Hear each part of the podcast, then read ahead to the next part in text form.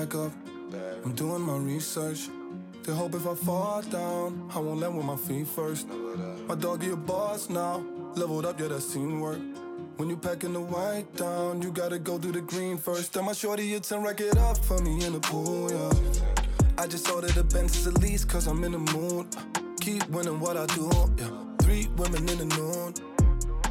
Police caught us on the roof, yeah. Shorty ass saw the truth, yeah. 1400 on some Dios. Black and white just like a keyboard. Looking at the world from top of Bush Khalifa with my dog, thinking, damn, maybe this could be yours. Pray for it, y'all pray on it. Work hard, I can't wait for it. No way, squad came a long way. All the weed I smoke top shelf. All my beats from the top shelf. From the street, I do not care. I leave you on your Blackberry. Phantom a nightmare. Rory in fifth gear. My drip make a bitch stare. Get the money, then spend it like windmill. All the weed I smoke top shelf. All my beats from the top shelf. From the street, I do not care. I leave you on your Blackberry. Phantom a nightmare. Rory in fifth gear. My drip make a bitch stare. Get the money, then spend it like windmill. Next time y'all see me, I'm gonna have some new toys. Niggas be going around putting, buying little chains and shit like that. I'm, I'll, I'll buy toys. I got a toy chest, nigga. None of that, none of that little jewelry shit. I did that. Now, now I cop these. Come through my hood and see what was out there. You see them toys out there. Jumped out the trenches, I really took flight. Or start from the entrance. I got willing, I'm very precise. I go fuck up a pension, I'm blessed that I'm living this life. Get it back once I spent it, cause I'm getting the bag every night. Run from parks with the benches to parking the benches. It's too late, don't get on your friendship. I need an M suit, kick it like Timberland boot. Count up and flick through the blues. Y'all niggas ain't got a clue. Y'all niggas ain't got a clue. Uh, y'all know nothing about nothing. Get your hand on my pocket, little boy. Ay, I ain't tried nothing like two years, mm, and I'm still getting some money. Ay, Mama so happy when she see me, damn. She don't even argue with nothing. i been getting lonesome. Mapped out my goals all summer. You don't know nothing about nothing. No. You been doing coke all summer. You don't know nothing about nothing. Uh, yeah. All the weed I smoke top shelf. All my beats from the top shelf. From the street I do not care. I leave you on your Blackberry.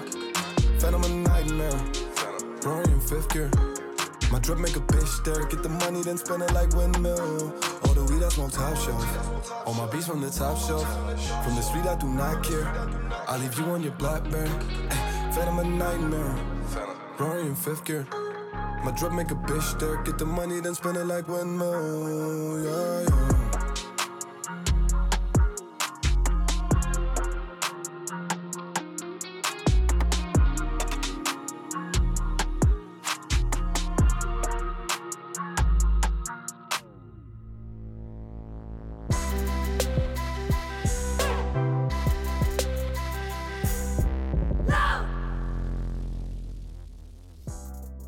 Velkommen til Frekvens. Mit navn det er Benjamin Clemens, og jeg står her i studiet med min redaktør Mikkel Bakker for en, øh, for en gang skyld. Hej Mikkel. Hej, god aften. Hvor er det hyggeligt, at vi skal sende sammen. Ja, det har jeg... øh, Jeg har ikke haft lang tid til at glæde mig til det, men jeg glæder mig til at sende med dig i tre timer. Det er så dejligt. Her efter nyhederne, der fik du øh, Noah Carters nye single Top Shelf, øh, som jo er et mega fedt nummer at komme ud her en gang i forrige uge, mener jeg. Men også meget nyt, ikke? Nu ser du selv forrige uge, jeg, øh, og jeg tænker, skal vi, vi, skal, vi skal lidt et andet sted hen nu, Skal nemlig lidt andet sted, fordi Ja. at, øh, vi har tendens til at spille en masse ny musik her på Frekvens, og Ja. det er også dejligt. Det skal vi også. Men vi er gået kontra på den her til at, at lægge ud med. Så øh, da vi sad og snakkede om, fordi at vi, vi gør jo gerne det her med, at vi tager et nummer med til hinanden, så sad, øh, så sad mig og Mikkel og snakkede, og så sagde jeg, jamen hvad nu hvis vi bare tager simpelthen det ældste nummer, vi har på vores sådan, rotationsplayliste, eller sådan det nummer, vi stadig går og, og lytter på, øh, som simpelthen er ældst med. Øhm, så du har taget et, øh, et nummer med, Mikkel? Ja, altså måske skal man bare lige for en god ordens skyld sige, at der er jo også en vis aldersforskel på os. Jeg er vel Det er der. øh, et par 20 år ældre, end du er. Du er på alder med min far. Ja. Altså, fuld, I er fuldstændig jævnaldrende. Han er også en god mand. 47. Ja. Ja. Øh, dejligt menneske. Ja, så ja, det er rigtigt. Øh, men derfor er det måske, øh, og, og man kan sige, at vi har begge to valgt noget, før vi er blevet født. Det tror jeg Ja. ja. heller ikke er usædvanligt i, og for sig. Men kæden springer lidt af det ene sted. Men det, det vender vi måske tilbage til, det ved Ja, jeg det, ikke. det tænker jeg næsten ikke, vi kan gå- komme ind på. du har taget noget med fra, øh, fra øh, en tid, hvor folk, øh, der er født omkring der, stadig lever, i det mindste. Øh, ja, hovedparten af dem, ja. Ja, lige Vi er i præcis. 1969. Øhm, Isaac Hayes, som jo er et af mine helt store idoler. eller idol er måske så meget sagt, for han var måske ikke verdens flinkeste mand. Øh, Nej. men, men han lavede noget fantastisk musik, som man faktisk stadig den dag i dag kan høre. Øh, rigtig meget hiphop, men også soulmusik. Og så var han en del af, af det legendariske studie- og pladselskab, som hedder Stax Records, som jeg har et virkelig, virkelig mystisk øh, kærlighedsforhold til. Ja. Øhm, jeg har alle deres udgivelser er samlet på 5 gange 10 CD-bokser, så det er jo 50 CD-bokser. Og den har du stående derhjemme. Dem har jeg stående, ja. Fantastisk. Jeg har været øh, ikke i studiet, fordi det blev revet ned og er blevet genopbygget senere hen, men jeg har en mursten for det her gamle studie. Det er sådan min Berlin, min Berlin-mur, ikke?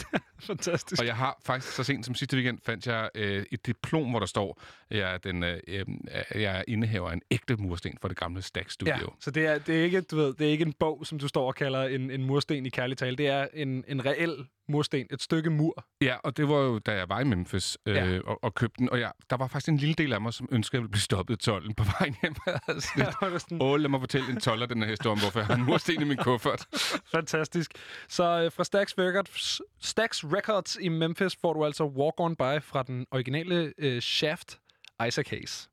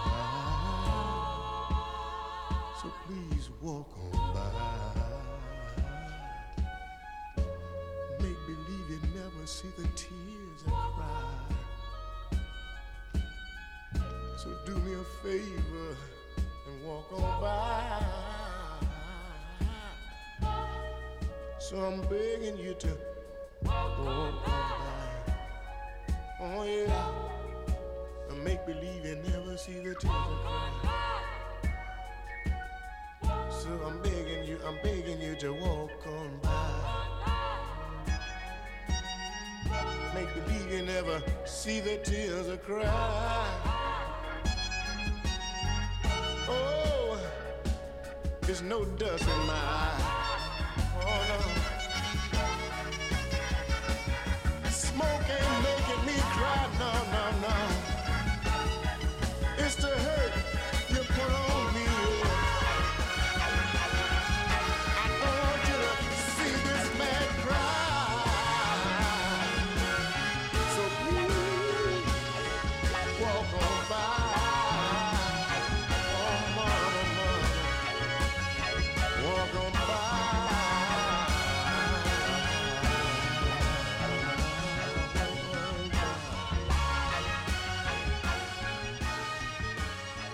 Det her det er altså et af de numre, som øh, er ældst i hvert fald, som jeg går og lytter til jævnligt. Isaac Hayes og uh, Walk On By. Og Benjamin, øh, det her nummer, det betyder jo, altså, det er jo, det er jo starten faktisk på Isaac Hayes' egen karriere, fordi på det her tidspunkt, der han kun sangskriver, eller kun, men altså sangskriver og, og musiker for alle mulige andre artister. Det var jo sådan, at Stax Records, som er pladselskabet, var jo et indspillingsstudie, øh, i øvrigt en gammel biograf, øh, så hele gulvet var sådan et skævt gulv, Okay. øh, ja, som, som gør et eller andet ved lyden, tænker jeg. Øh, det er meget fedt i hvert fald. Øh, og så var det et sted, hvor, øh, hvor han blandt andet har skrevet og indspillet for rigtig, rigtig mange mennesker. På et tidspunkt, så går han så ind til Stax Records ejer og siger, jeg vil gerne udgive min egen plade. Og de er sådan en, ah, det synes vi måske ikke er verdens bedste idé. Ikke? Det er lidt ligesom, når en trommeslager band kommer og siger, kan vi ikke spille en af mine sange? Og de andre Ja. Siger, Hvad mindre det er Phil Collins, fordi så, så skal de sange spilles. Der vil altid være undtagelser. Ja. Ja, rigtigt. Nå, men det ender så med, at Isaac Hayes siger, hvis, øh, hvis ikke jeg får min egen plade, så smutter jeg, og aftalen bliver så, så gør du det. Ja. Altså, bliver, og du får din egen plade. Så har man også været en god sangskriver, ikke? Jo, jo, jo, men det var han jo tydeligvis også. Øh, Udover den her plade faktisk er fyldt med coverversioner. Det her nummer, Walk on By, er jo faktisk et nummer, som Burt Bacharach skrev til Diane Warwick fem år tidligere. Okay, forstenet. Ja. ja. Oh. Øh, men med til, til historien om Isaac Hayes, f- og, og den her udgivelse gør, at de var sådan en, ja, okay, nu, nu udgiver vi pladen, det er lidt en aftale, men vi gør det ikke på Stax. Så Okay. de brugte et andet label, som de opfandt til, til den, i den sammenhæng, fordi de tænkte, ja, altså, han skal ikke tilknyttes vores label. Så det hedder Enterprise, dem der udgav det faktisk, Okay. som var en underlabel af Stax. En anden sang på det album, Ja. jeg blev bare lige nødt til at sige det, en sang, der hedder By the Time I Get to Phoenix, Ja. Og øh, joken var, at man kunne faktisk næsten nå til Phoenix, mens man hørte hans version, for den vejer næsten 19 minutter. Okay, fantastisk. Ja. Jamen, der, så er der også god tid, jo. Men, så det, kan var, man- det var en anden tid, ikke? Man Ja. havde lidt, der var ikke så meget streaming, der var ikke så meget Spotify, og Don't Bore Us, Get to the Chorus-agtigt over det. Nej, lige præcis. Men Mikkel, øh, da jeg så, hvad for et nummer, du skulle spille, der var Ja. min første reaktion. Det er jo ikke gammelt. altså, det er ældre end mig. øhm, men det kan du så tage som personlig kompliment, måske. Ja, tak. Øhm, Skide og det var tak. det, fordi at jeg på det tidspunkt sad med et nummer øh, fra 1935. Og øh, det er ikke det nummer, jeg har, jeg har endt med at tage med. Men øh, jeg sad... Fordi for jeg, du ikke kunne få din lak-gramofon ind i studiet, eller hvad? præcis. den lå derhjemme. Nej, men, men det er jo, jeg, jeg hører jo en, øh, en del gammel musik. Jeg kan, godt lide, øh, jeg kan godt lide jazz, jeg kan godt lide gammel fransk musik, og så kan jeg rigtig godt lide country og bluegrass. Og det er jo noget musik, som meget af det har storhedstid i 40'erne og 50'erne, men der er altså også noget, der går helt tilbage til 30'erne. For eksempel det, jeg sad her med, som var et The Carter Family-nummer, som øhm, øh, June Carter Cash, Johnny Cash's øh, ene kone, jeg kan ikke huske, hvad for en af dem, øh, hvor i rækken hun lå, men hun var jo også en del af The Carter Family, og det er sådan en helt country-historie. Men, Men, men Benjamin, vi, vi etablerede lige før, eller vi fik slået fast, at jeg er, jeg kunne være, jeg er på samme alder som din far. Ja. Du er 21. Hvor kommer den her kærlighed for den her musik fra? Det er sådan et godt spørgsmål. Jeg tror... Oh, jeg tror, oh, den er lang. Jeg tror, det bunder i, øh, at jeg øh, begyndte at lytte rigtig meget til punkmusik på et tidspunkt. Og så gik der ikke så lang tid, før at jeg opdagede øh, sådan noget keltisk inspireret punk. Og så igennem det, så øh, opdagede jeg irsk folkemusik, og så gik der ikke lang tid, før at jeg øh, ligesom, fordi der er meget af det, altså øh, countrymusikken udspringer jo af bluegrass-musikken, som udspringer af den irske folkemusikstradition. Øhm, så det er ligesom sådan et gateway drug ind i den der øh, sådan underlige folkverden, hvor så begyndte jeg at lytte rigtig meget til bluegrass, og så på et tidspunkt, så, øh, du ved, så blev det fuld country, og så begyndte jeg at lytte til sådan noget countrymusik fra, fra 60'erne og sådan noget. Men Så-. Edith Piaf, altså hvor, hvor kommer hun fra? Ja, men hun kommer så fra en helt anden ting, og jeg ved egentlig ikke, hvor øh, det her kommer fra. Øh, jeg tror måske, at... Øh, jeg tror måske, Chet Baker endte på en øh, sådan en For You-playliste. Du ved, en af dem der streamingtjenester, den laver til dig. Okay. Hvor at så opdagede jeg øh, det album, der hedder Chet Baker Sings, og så blev det mit gateway drug ind i jazzen. Modtaget. Og øh, jeg opdagede så i forbindelse med det øh, en masse af de her øh, gamle franske standarder og øh, franske crooners, øh, Yves Montand og øh, Jacques Brel og sådan noget. Øh, og i det ligger jo selvfølgelig også dronningen af dem alle, Edith Piaf. Så det, jeg har taget med, det er øh, fra det er en sang, der er skrevet i 1946 til en film, som så senere blev indspillet i en, øh, en studieversion af Yves Montand, og blev oversat til engelsk og blev indspillet af øh, Bing Crosby, Ja, Ja. ham med White Christmas. Lige præcis. Ja. Så, øh, så den her sang, den hedder originalt Le Feuille Morte, som betyder de døde blade, men blev oversat til The Autumn Leaves. Som er en kæmpe jazzstandard, som hvis du har lyttet til noget som helst jazz, du helt sikkert kender. Øh, det her, det er Edith Piaf, som i øh, 1950 synger øh, den engelske og den franske version samtidig øh, til et amerikansk øh, radioprogram. Så øh, det, Samtidig. Ja, altså hun, hun skifter Ah, i, øh, i ja, det mere ikke? Ja, så du ved, Ja. fordi at man sang enten den franske eller den amerikanske version. Hun har så valgt at slå dem sammen til det, som så hedder Autumn Leaves, men hvor hun også tager vers fra Le Feuille Morte. Det kommer her.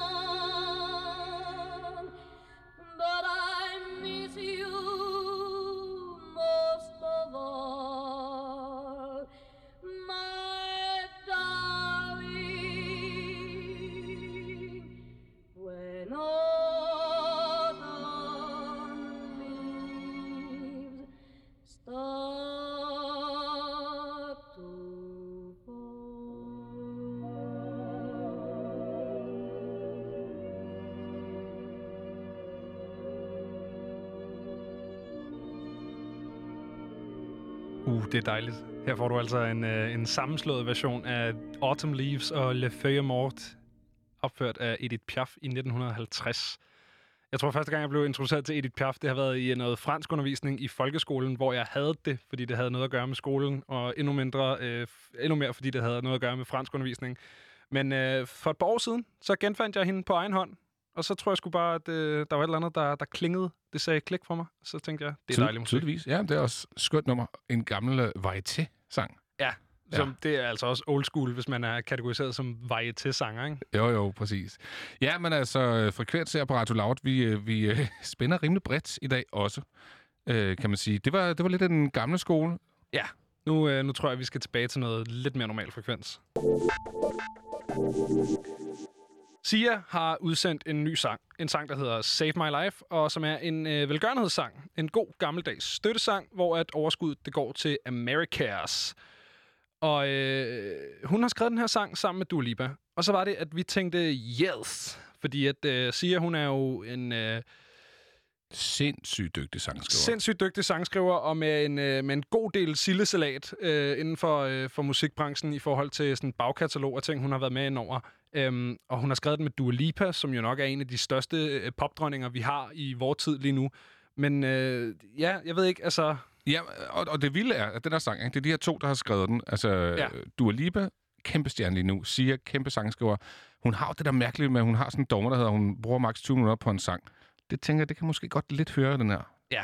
Fordi det er mærkeligt, ikke? Det er to nemlig af de super mærkeligt. super dygtige øh, musikere. Og så er det underkøbet øh, fået Greg Kirsten til at producere. Og han har altså, han har ikke nogen hvem som helst. Han har blandt andet lavet Adele's Hello. Og det var også ham, der producerede øh, Sias allerstørste hit, Chandelier. Som jo er to... Rim, altså, dem tænker jeg, alle kan huske. Det er to sange, der hitter rimelig meget, ikke? Altså, hvis man ikke kan huske Adele's Hello, ja, så, ved, så har jeg ikke noget. Så har jeg ikke mere. Nej, det, så, så kan vi så, øh, så tak for i aften. Ja, så, eller, så farvel. Men, men det er bare det der, sådan, hvis man lige prøver at lytte efter til teksten i det her nummer, så er det meget, altså jeg tror helt seriøst, hvis jeg skulle øh, sætte mig ned og skrive en parodi på, øh, på sangskriveri inden for popmusik de sidste 20 år, så havde jeg skrevet det her nummer. Altså det er, det er, det er gentagelser og sådan lidt, lidt dogne børnerim og sådan Det er meget mærkeligt. meget mærkeligt. Men nu øh, får du altså chance for at, at danne dig en mening selv, kære lytter, fordi nu skal vi nemlig høre Sias Saved My Life.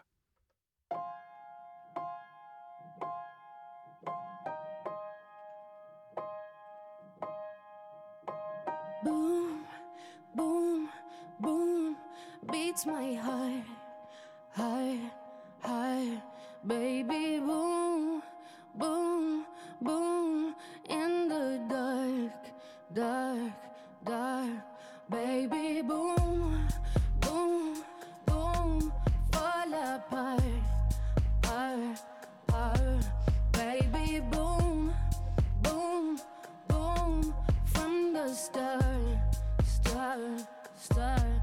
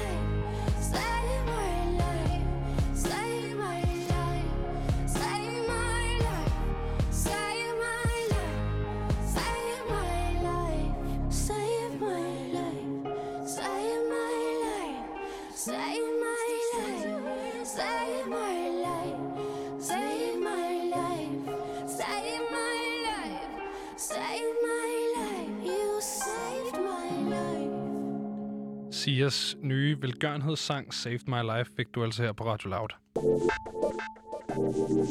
Og det er vel det, det bedste, man kan sige om den sang, at det er en velgørenhedssang, tænker jeg, ikke? Jo. Altså tekstmæssigt, der, øh, der er utrolig mange gentagelser, og ja, ikke så meget indhold. Ikke det mest kreative øh, sådan, tekstforfatteri, jeg har set. Det er jo i forhold til produktionen ikke noget galt. Nej, nej, men, Men- bare lidt kedeligt. Altså, bare lidt ja. kedeligt. Vi har et bedre bud på en øh, velgørenhedssang senere her i Frekvens, men nu skal det handle om noget helt andet. Ja, fordi at, øh, vi nævnte jo den her øh, danske sangskriver, producer og nu solist af Winbay i mandags, da, da mig og Christian vi sendte frekvens. I forbindelse med, at han har udgivet øh, eller medvirket på, øh, på Flakes nye nummer Sleepwalker. Og i dag har vi altså fornøjelsen af at tale med Winbay. Hej Winbay. Hej, hej. Hej. Hvad laver du her til aften? Jamen, øh, jeg sidder i, øh, i, øh, ude i et sommerhus øh, ved Vesterhavet med min kæreste og chiller. Det lyder helt vildt hyggeligt. Ja. Er det godt vejr? Det er mega, mega nice. Hvad siger du? Er det godt vejr? Øh, det var lidt koldt i dag. Der var, altså, der var rigtig nice i går. Der lå vi bare tagen ude på, øh, ude på terrassen. Så I dag var det lidt koldt, men der, der er sådan altid godt vejr herude på en eller anden måde. Så det, Det- man det er er- udenfor. Men der er også altid lidt koldt eller lidt blæst, er der ikke? Øhm, jo, altså det er der, men det ligger sådan lidt op af sådan en skov, så man er sådan lidt i læ, du ved. Og så kan man sådan ligesom tilpasse, hvad man laver efter det, ikke? Altså sådan, vi har meget været på grunden i dag, lad mig sige det sådan. Det er dejligt. Det har været meget ved pejsen, ja. Det er også hyggeligt. Awinbe, vi har jo allerede snakket lidt om dig her på Radio Loud øh, og på Frekvens, men øh, vil du ikke lige introducere dig selv for de lyttere, der måske ikke lige ved, hvem du er? Jo, men øh, jeg hedder Vimpe, og, øh, og er 29 år fra, fra Aarhus, Gråstrej, Djursland, øhm, og bor i København nu, hvor jeg har boet et stykke tid. Øhm, og jeg laver musik, og har gjort det, gjort det længe. men øh, men øh, er, er øh, ja, har lavet en soloplade her for, for i, i december, jeg kom ud med, som har været noget tid undervejs. Øhm, og så udover det, så producerer jeg. Ja, fordi øhm. du har jo Øhm. både produceret og arbejdet som sangskriver, du har arbejdet med nogle ret store navne på den danske musikscene, ikke? Jo, ef- jo altså et par stykker, jo. Jeg synes, jeg så øh, øh, Jada og Artie Artet og alle mulige, du havde arbejdet sammen med. Ja, lige præcis. Lige præcis. Det er sådan, det har egentlig bare været en dag ad gangen, og så lige så er der en liste, tror jeg. Og nu snakker vi også lige om det her med, at du har jo medvirket på, øh, på Flakes nye track Sleepwalker. Hvordan kom det i stand? Ja, øh, det er egentlig fordi, øh, at jeg deler studie med dem. Øh, nede på, øh, på øh, meget hyggelig studie på Frederiksberg, øh, som jeg kom ind i for to-tre år siden efterhånden, gennem, øh, gennem Tør Dixgaard faktisk, som jeg meget, meget kort lige boede med. Som sagde, at han havde det her rum i, øh, i et studie, og så kom jeg derned, øh, og så har jeg egentlig arbejdet dernede fra siden, øh, og blandt andet lavet Jada-tingene dernede. Og, øhm, og i, i, i det studie der, der sidder flækdrengene så også. Så det er ligesom sådan gået fra at være sådan, sådan hey man, når man ligesom mødte ind og stemte ud, og sådan til, til, til et samarbejde. Men, men hvordan kommer det egentlig i stand? Fordi en ting er, at man sidder og, og, og som, som, som i de tilfælde jo producerer mest. Altså til ligesom at sige, øh, er det ikke mig, der skal gå ind i bussen nu, og så lige lægge et vers eller et eller andet? Altså, hvordan, hvordan opstår den samtale? Jamen, øh, jamen, det var egentlig sådan, de er bare nogle, de er nogle meget, meget søde drenge for det første. Så det har været meget sådan, øh, ja, kommet sådan meget naturligt af at lære hinanden at kende og trippe over hinandens ting, tror jeg. Men øh, vi var i Los Angeles i sidste forår. Faktisk, vi var der et år før os øh, for at skrive. Så i foråret for præcis et år siden var vi der så øh, for, for anden gang for at skrive noget ny musik.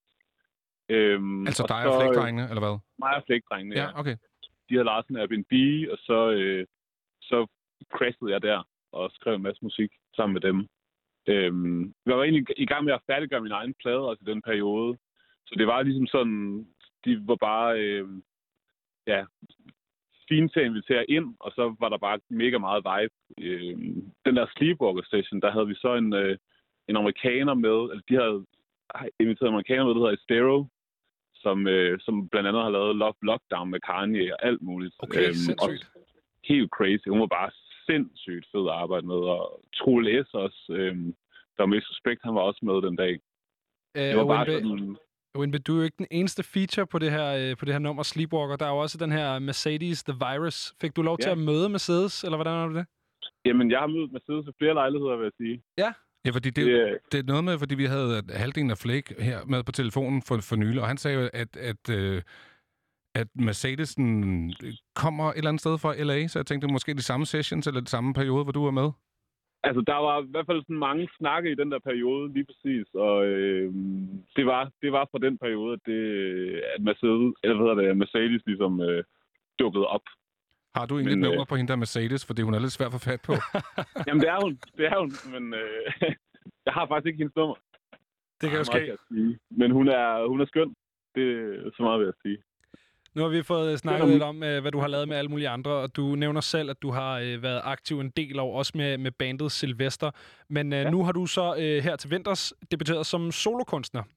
Mm. Hvordan har den proces været? Det har været, øh, det har været øh, fedt, fedt, men hårdt, vil jeg sige. Altså sådan, jeg, jeg gik ligesom... Den, øh, jeg blev... Øh, jeg arbejdede ligesom som... Øh, som, du ved, jeg, jeg ville gerne være producer der for en tre år siden eller sådan noget. Jeg gik på sangskrivlinjen på konservatoriet i København.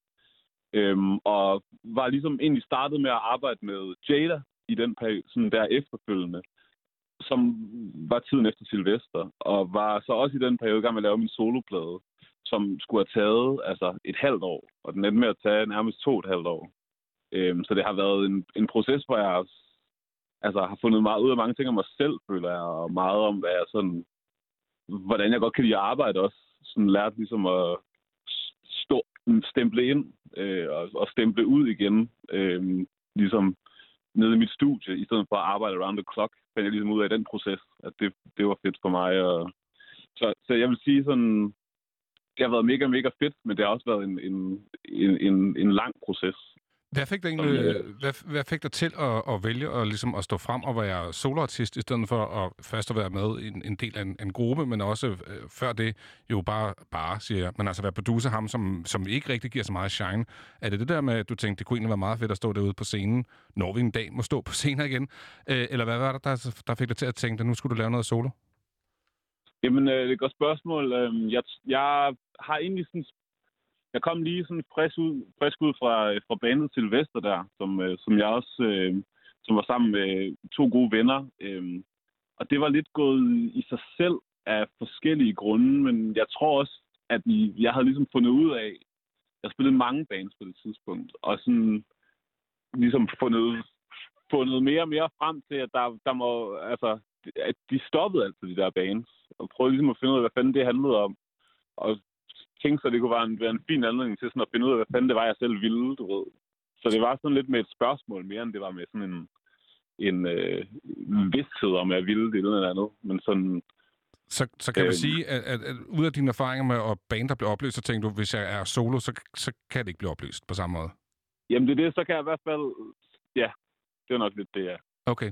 Så kan jeg selv styre, styre, hvad der skal ske, og hvad kan man sige. Det var, det var nok lidt ud af den.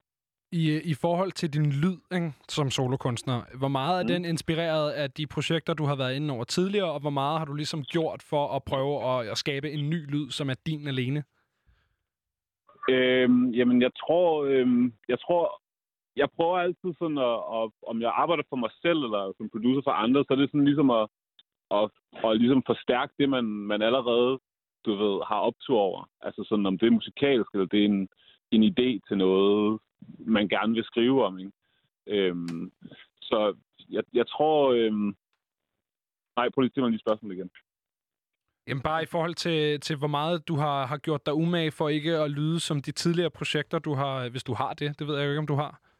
Nej, altså, det, det, er, det er kommet et andet sted hen, vil jeg sige. Så det er jo mere for, altså, jeg, jeg, jeg har i den her, på den her plade især sådan fået dykket meget ned i sådan, øhm, jamen, en, jamen, min, min, en, en, et æstetisk sådan forenklingsprojekt, øh, tror jeg, det har været. Så jeg har ligesom, altså, hvor, hvordan det lykkedes i forhold til ting, jeg tidligere har lavet, det, det tror jeg, jeg må have andre sådan, svare på. Men, sådan, øh, men det har i hvert fald for den her, det der definerer lyden for den her ting, det har ligesom været at, at prøve og sådan at skrive øhm, så enkle, hvad kan man sige, popsange om, om især mine ungdomsår, øhm, om hvad jeg fandt, jeg rendte rundt og lavede og tænkte og følte og sådan nogle ting. Og så ligesom prøve at komme dem ind i, i en indpakning af, hvad jeg selv optog over i den periode, som hvad kan man sige, som nok egentlig er anderledes, end hvad jeg har optur over nu, forstår du, hvad jeg mener? Altså sådan, Helt det, så jeg, ja, så det rykker, min, de ting, jeg laver, rykker sig med de, det sted, jeg er, hvis det giver mening. Det giver så meget mening, Winby. Du har givet os et uh, nummer med, som vi skal høre lige om lidt, som hedder Get Ja. It. Men vil du ikke lige fortælle vores lyttere, hvad det nummer det handler om? Jo. Øhm, Get It er sådan et lidt overset nummer måske fra min plade. Det ligger sådan ret i slutningen af pladen, og altså sådan, pladen er sådan, den prøver sådan at, den starter ligesom øhm, på Djursland, hvor jeg boede i mine teenageår, og flytter så til Aarhus og sådan skal finde ud af, hvad fanden jeg hører til, og hvem jeg er og sådan nogle ting. Gættet der, det er, sådan i, det er som sagt i slutningen af pladen, hvor jeg sådan ligesom øhm, jamen, tænker lidt over processen og, hvad, og hvor jeg er nået til. Det er sådan et nummer, der handler lidt om at, øhm, at være, egentlig bare være glad for rejsen og øh, være okay med, at neder, verden er sådan lidt nederen nogle gange. Øh, og bare være glad for, sådan, hvem man har mødt på sin tur, og hvad man har taget med. Og så sådan, omkødet er, I know what I know now, it's you and me. Så det er sådan ligesom bare sådan, du ved, øh, alt, alt, der har lidt op til det her, har ligesom skabt det her øjeblik, og nu er det ligesom bare, nu er det ligesom bare nu.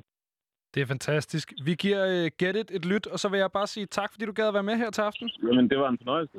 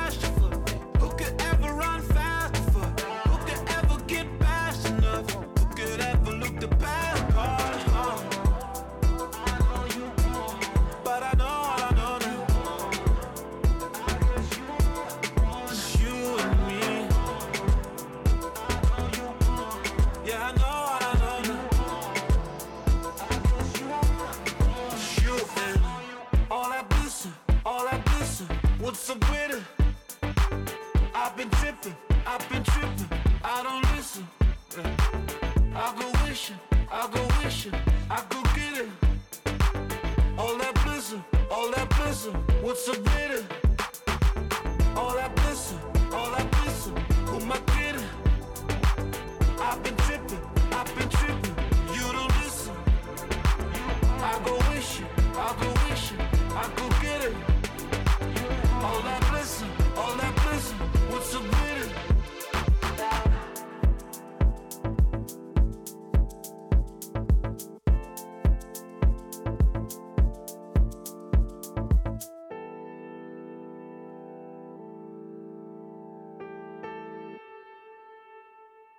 Get It fik du altså her fra Winbay, som vi lige havde med på en telefon. Hvis du vil høre mere af det her, så kan du finde pladen Live Stories øh, på din streamingtjeneste, eller hvordan du nu forbruger musik.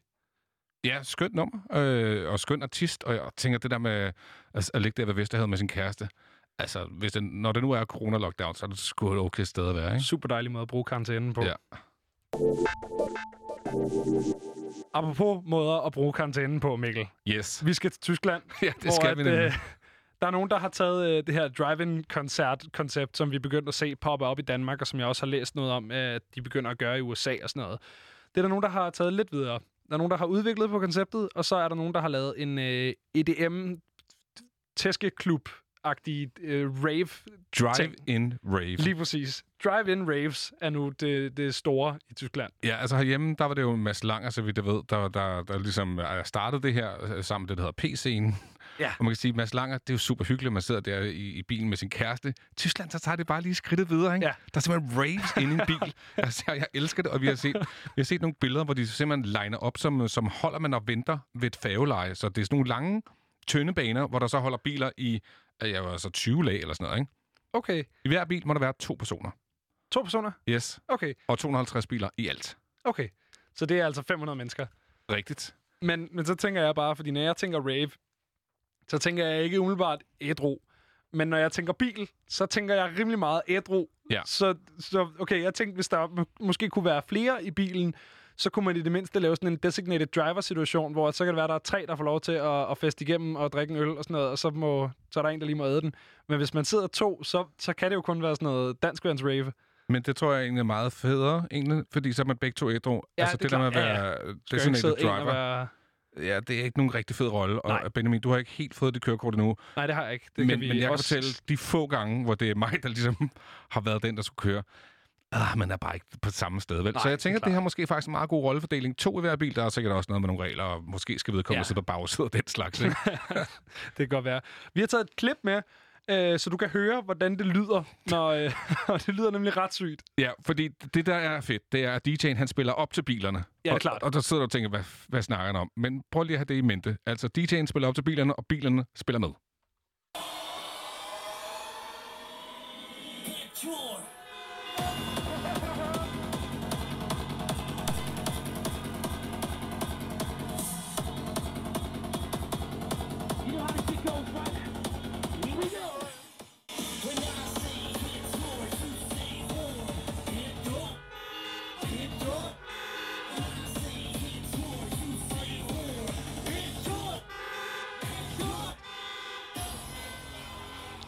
When I say hit the, you say horn. Jamen, altså, Dude. vi, vi har jo gået og hørt det her klip en del gange, Ja. og hver gang, så står vi og smiler. Det er, også, det er jo bare god stemning. Altså, det er jo, det er jo fuldstændig... Jamen, jeg ved ikke. Det er jo bare en til en oversættelse af DJ-sæt til en bil nu. I stedet for at spille til folk, så man spiller man til biler. Og det kan noget, ikke? Det Fordi kan helt bestemt noget. det, det, vi har talt rigtig meget om, er de her coronatider, hvor vi alle sammen øh, ser streams af artister, der er mere eller øh, større eller mindre sætter op øh, livestream af en koncert. Det, vi mangler, det er den der fællesskabsfølelse. Og det er det, det, det her tapper rigtig meget ind i. Og det er det, jeg tror, der gør den helt store forskel til det, at man faktisk oplever noget sammen med andre. Ja, det kan godt være, at vi sidder i vores biler hver for sig, Ja. men det er stadigvæk en fælles oplevelse. Hvilket er også godt, altså, så, du ved, så tror jeg også, man kan få energien op mere, end hvis man sidder i sin seng og ser en livestreamet koncert. Altså, du ved, Ja, 100. det her det er jo rent faktisk et event, man tager til, ja. Hvor at, du ved, man skal vel købe en billet og sådan noget. Altså, Ja, ja, jeg er ret sikker på, at man skal booke på forhånd. Selvom det her er foregået i en ret lille by, faktisk, fandt vi ud af, det er en by, der hedder Schüttorf. Ja. En lille flække med kun 12.000 indbyggere. Så er det alligevel imponerende, at man kan lokke 500 af dem ind til den her drive-in arrangement. det må, der må ligge nogle større byer rundt om. Jeg ved ikke, øh, jeg har ikke lige fået kigget på et kort over Tyskland. Jeg må øh, ærligt indrømme, at min... Altså, øh, hvis man nu kunne starte bilen og køre til Tyskland, og det kan vi jo ikke nu, i hvert fald ikke indtil der kommer en ny nej, udmelding, det er rigtigt så er det lige før, man er fristet, ikke? Fordi øh, det her, det, det, altså, det lyder så dejligt dumt, at det kan kun være sjovt, og som ikke kun være sjovt. Som, øh, som for at trøste, så har jeg, så har jeg taget et lille trance-nummer med, fordi at det var jo noget, noget rigtig trance-musik, der, eller DAC, som vi jo også er glade for at kalde det herhjemme, som de spillede her. Så her får du altså øh, Highlight Tribe med et nummer, som jeg, jeg tænker, jeg bliver nødt til at prøve at udtale. Det hedder Digitalic. Det kommer her.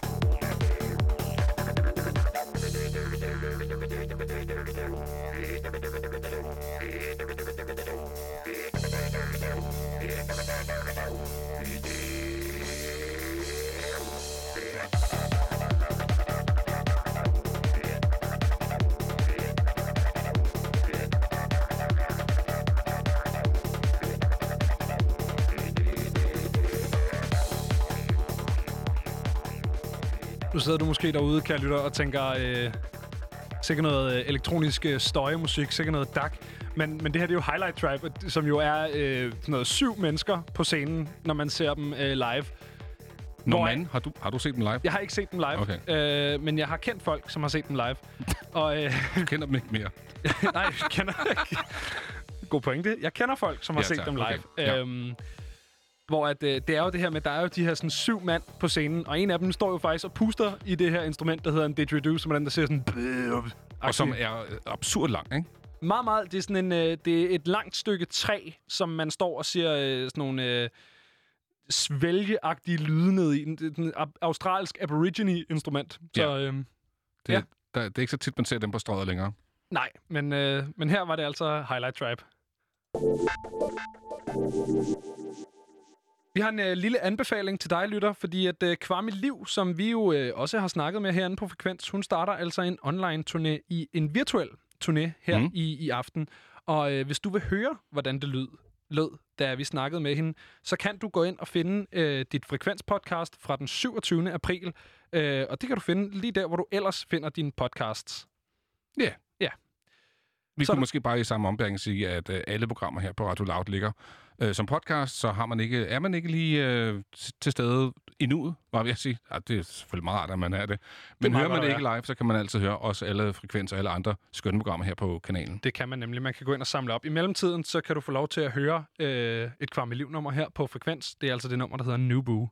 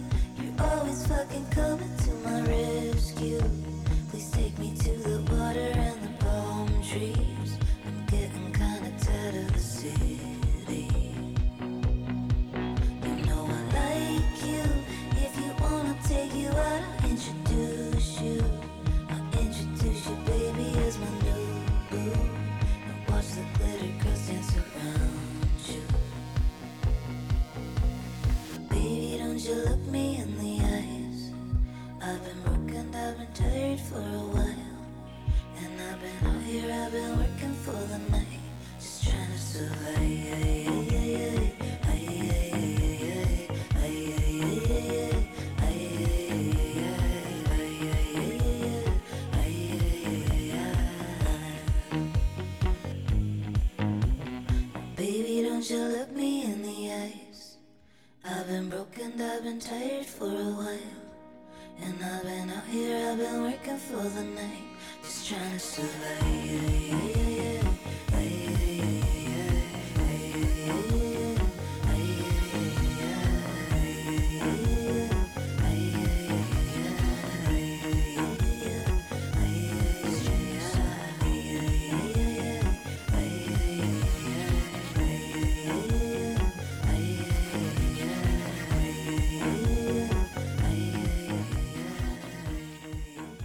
Kvarme Livs nye boo fik du her på Frekvens.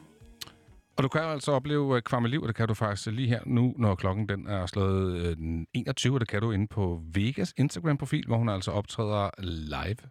Og så kan du helt sikkert også finde den på IGTV, hvis du nu gerne lige vil høre Frekvens færdig.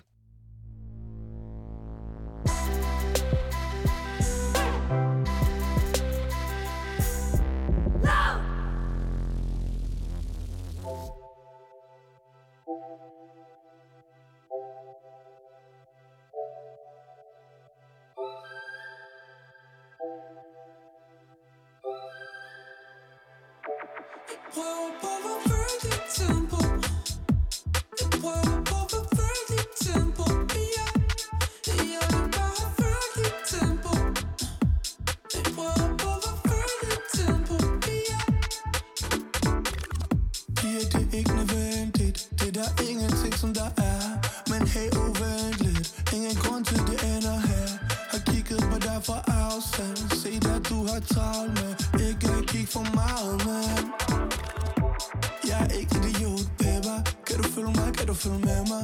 Har en vogn derude, som der venter. Har en flaske derhjemme, der er ældre. Ældre end dig.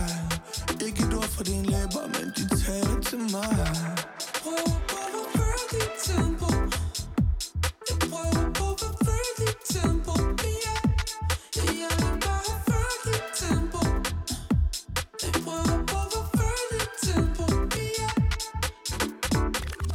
En til hende og hendes veninde Og prøvede på at finde en kvinde som hende og ind. Uh, Spol det tilbage som selektor. Uh, Rewind selector Du tager det lejende let.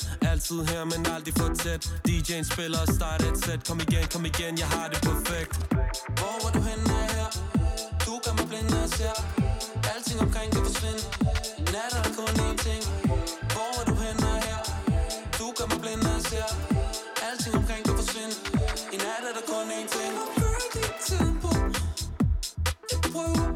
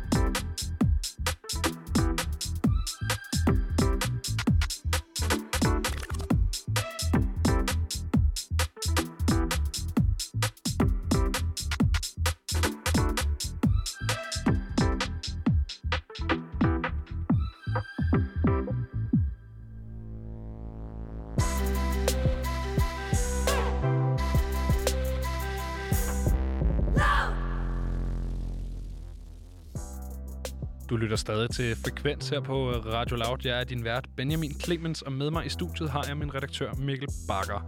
Endnu en gang. Velkommen til, Mikkel. Tak skal du have. Vi står her og, øh, og skal dele vores, øh, vores musikviden og passion og alt muligt lækkert med dig de næste par timer. Så øh, jamen, sæt dig tilbage og lyt til Frekvens. Om lidt, Benjamin, så skal det handle om noget, som, øh, som du er svært begejstret for, og i øvrigt også en del af det med dansk rap. Ja, det skal det nemlig. Og lidt senere, Og lidt senere. så skal det handle om super mærkelige navne. Ja, det skal det. Og For- bandnavne ikke mindst. Ja, også det. Men også bare mærkelige navne generelt, ikke? Ja. Og, øh, og nu står jeg jo og er, og er medvært her i aften, og jeg har jo også en, øh, en grum fortid som vært på, øh, på en anden radiostation, eller flere radiostationer, sådan så også ligegyldigt. Men i den forbindelse, så havde jeg på et tidspunkt fornøjelsen af at interviewe den næste artist, vi skal høre, nemlig Lucy Love. Ja. Og så ringer jeg jo til hende øh, på forhånd og siger, hey, tak fordi du var med. Og så siger jeg, bare lige, altså, hvad er dit rigtige navn? Ved du, hvad hendes rigtige navn er? Det ved jeg ikke. Er det ikke Lucy Love? Jo, det er. Det er sgu da meget sejt. Så det tænker jeg også, det var egentlig meget sejt. Altså, det kan godt være, det er lidt stenet af ens forældre tænker, du skal da hedde Lucy Love. Men det fungerer jo super fint, ikke? Ja, man har jo ligesom øh, sat nogen i søen for at lave noget et eller andet, hvor der skal bruges et sejt navn, ikke? Jo. Og det er der jo så blevet udnyttet, så det er jo meget fint, synes jeg. Og man kan sige, at hendes, øh, hendes far var jo også noget inden for musikken. Ja. Ja, fordi uh, den sang, vi skal høre her, den hedder nemlig Daddy Was a DJ.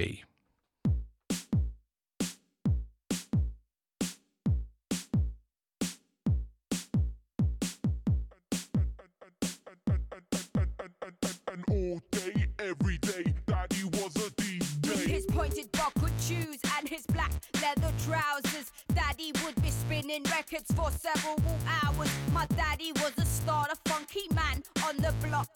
Black 80s disco was played around the clock. Daddy loved music, daddy loved beer. Daddy was simple, his life was crystal clear. Cause daddy loved music, cause daddy loved his life was crystal clear. His life was crystal clear. Daddy was a DJ. My daddy was a DJ. Daddy was a DJ. My daddy was a DJ. My daddy was a DJ. Daddy was a DJ. And all day, every day, Daddy was a DJ. His beats always mixed, his needle never jumped. His homemade speakers made the bass line thump. With his shiny wet look and his Technic turntables. My daddy was on fire so much he rocked the neighbor's cradle. Daddy loved dancing, daddy loved beer. Daddy was simple, his life was crystal clear.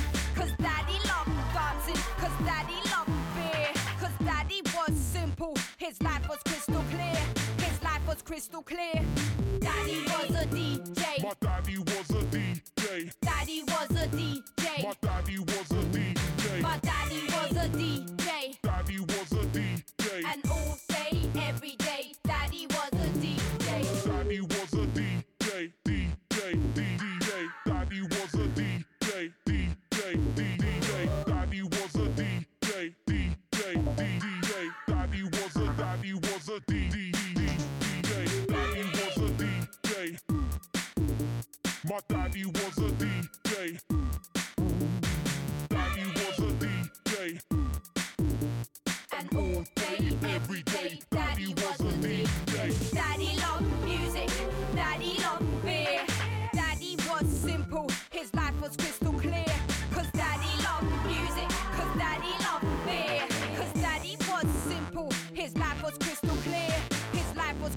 clear. My daddy was a DJ. My daddy was a DJ. Daddy was a DJ. And all day, every day, Daddy was a DJ. Daddy was a DJ. My daddy was a DJ. Daddy was a DJ. My daddy was a DJ.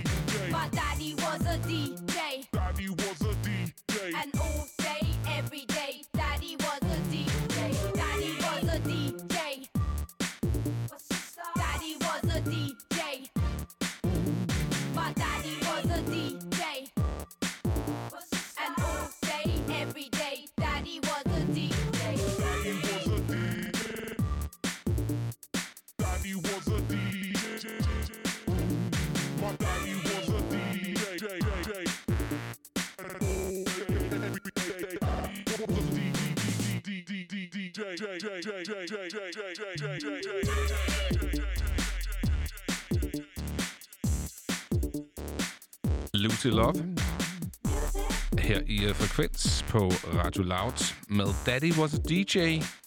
Lucy Love, som er altså... Ja, der står i hendes pas, Lucy Love, det er hendes borgerlige navn. Det synes jeg faktisk er ægte fedt. Vi kommer til at snakke om sjove navne lidt senere. Det gør vi nemlig. Men nu, Benjamin, så skal det handle om øh, noget helt andet, og noget, som jeg sagde, øh, som, øh, som du er rigtig glad for at både at tale om og beskæftige dig med, kan Ja, man jo sige. For ved siden af at være vært her på kanalen, så har du også et lille, et lille fritidsprojekt. Ja, det har jeg nemlig. Jeg laver noget, noget dansksproget hiphop, og vi skal til noget øh, dansk hiphop. Godt nok ikke dansksproget. Det er nemlig engelsksproget, fordi vi har nemlig Elo K med på en telefon. Hej til dig, Elo K. Hey, what's up? Hallo, mand. Du sidder i, øh, i Slicetown i Kolding. Sidder i Slicetown i Kolding. Hvordan er livet Dejligt i sted. Slicetown? Lige nu rimelig øh, afslappet, ligesom alle andre steder i Danmark, tror jeg. Øh, stille og roligt, i hvert fald hvis man er musiker. Men øh, stadig dejligt. Det er godt, at der er godt vejr udenfor. Det, det hjælper på det. Så Fortæl mig lige, øh, bare lige helt kort, det der med Slicetown og Kolding. Ved du, hvorfor, hvorfor at Kolding bare altid går under øgenavnet Slicetown? Men jeg tror det er egentlig, fordi vi har Danmarks bedste pizza i Kolding. Øh, og vi har så mange pizzasteder, pizzerier over det hele. Øhm, Og alt jeg bliver tror solgt bare- på Slice, eller i og, Slices. og, og næsten alt bliver solgt, solgt på Slice, øh, og det smager sindssygt godt, så det vil i hvert fald anbefales. Det er den helt gode New Yorker-stemning. ja, det er det faktisk. Er og du, er, du selv, er du stå, selv glad for lige at, at tage en runde nede i Slicetown og lige uh, spise jeg. lidt? Okay, stærkt. Ja, jeg, jeg har mine øh, yndlingssteder dernede, så det er det. Det er fantastisk. Ja. Hvor, øh, hvor corona-ramt er du lige nu egentlig? Øh, altså rimelig meget, vil jeg sige. Som, altså, jeg tror, at alle musikere er rimelig meget ramt. Vi havde egentlig en turné planlagt og sådan nogle ting der. Så kom corona og ødelagde det hele, så man er, man er ramt. Øh, men på den anden side, Yep. så er det, giver det også mulighed for at være kreativ på andre måder. Så Og det, det, det vender vi lige tilbage til, fordi det du siger med, at, at I var på vej på en turné, eller I var på en turné, øh, og jeg ved jo, Ja. at det var jo ikke bare altså en turné, det var en turné i Polen. ja, det var en turné i Polen. Hvordan, øh, hvordan er det lige, at, at du havner, eller næsten havner på en øh, turné i, i, i Polen? Det er egentlig gennem nogle øh, venner, som har anbefalet mig øh, til nogle af de folk, der laver de turnéer der i Polen. Speci- Det er faktisk ikke kun Polen, det er både Tjekkiet, Polen og Slovakiet, så de lande der, der ligger i nærheden af hinanden. Øh, de samarbejder på kryds og tværs, og der var nogle venner fra England, som hedder Social Beans, de, de laver også musik. Øh, de anbefalede mig til, til nogle af de der steder. Øh, og så var vi der sådan sidst, for to år siden var vi der første gang.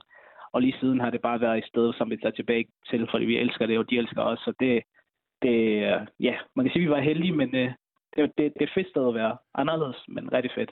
Ja, fordi jeg tænker, du, du udgiver dine ting selv, du producerer og skriver også det meste af det selv, øh, og så ja. jeg tænker, det, det er jo ret vildt, at du når uden for, for Danmarks grænser, øh, hvor, Ja. altså, og, og det er bare gode venner, og så et, og et netværk.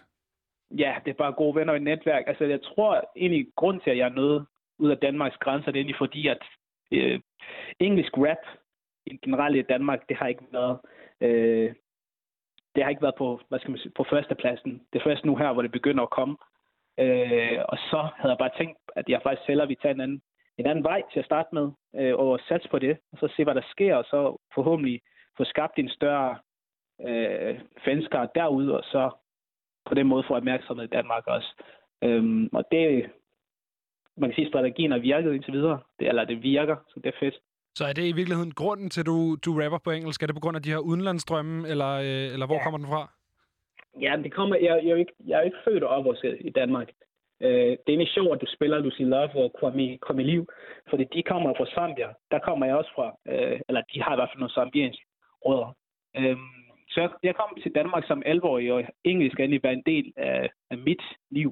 Øh, og hvad skal man sige? Det, det kommer bare sådan naturligt for mig. Så er du, er, du, er du stærkere på engelsk, end du er øh, end på dansk?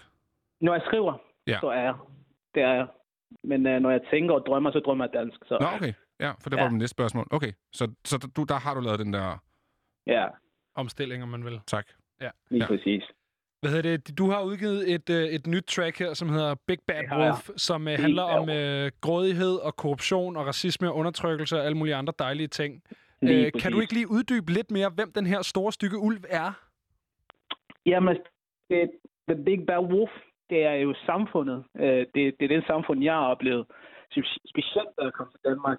Øh, kom til Sønderjylland, en lille by, der hedder Vejen. Dejligt sted egentlig.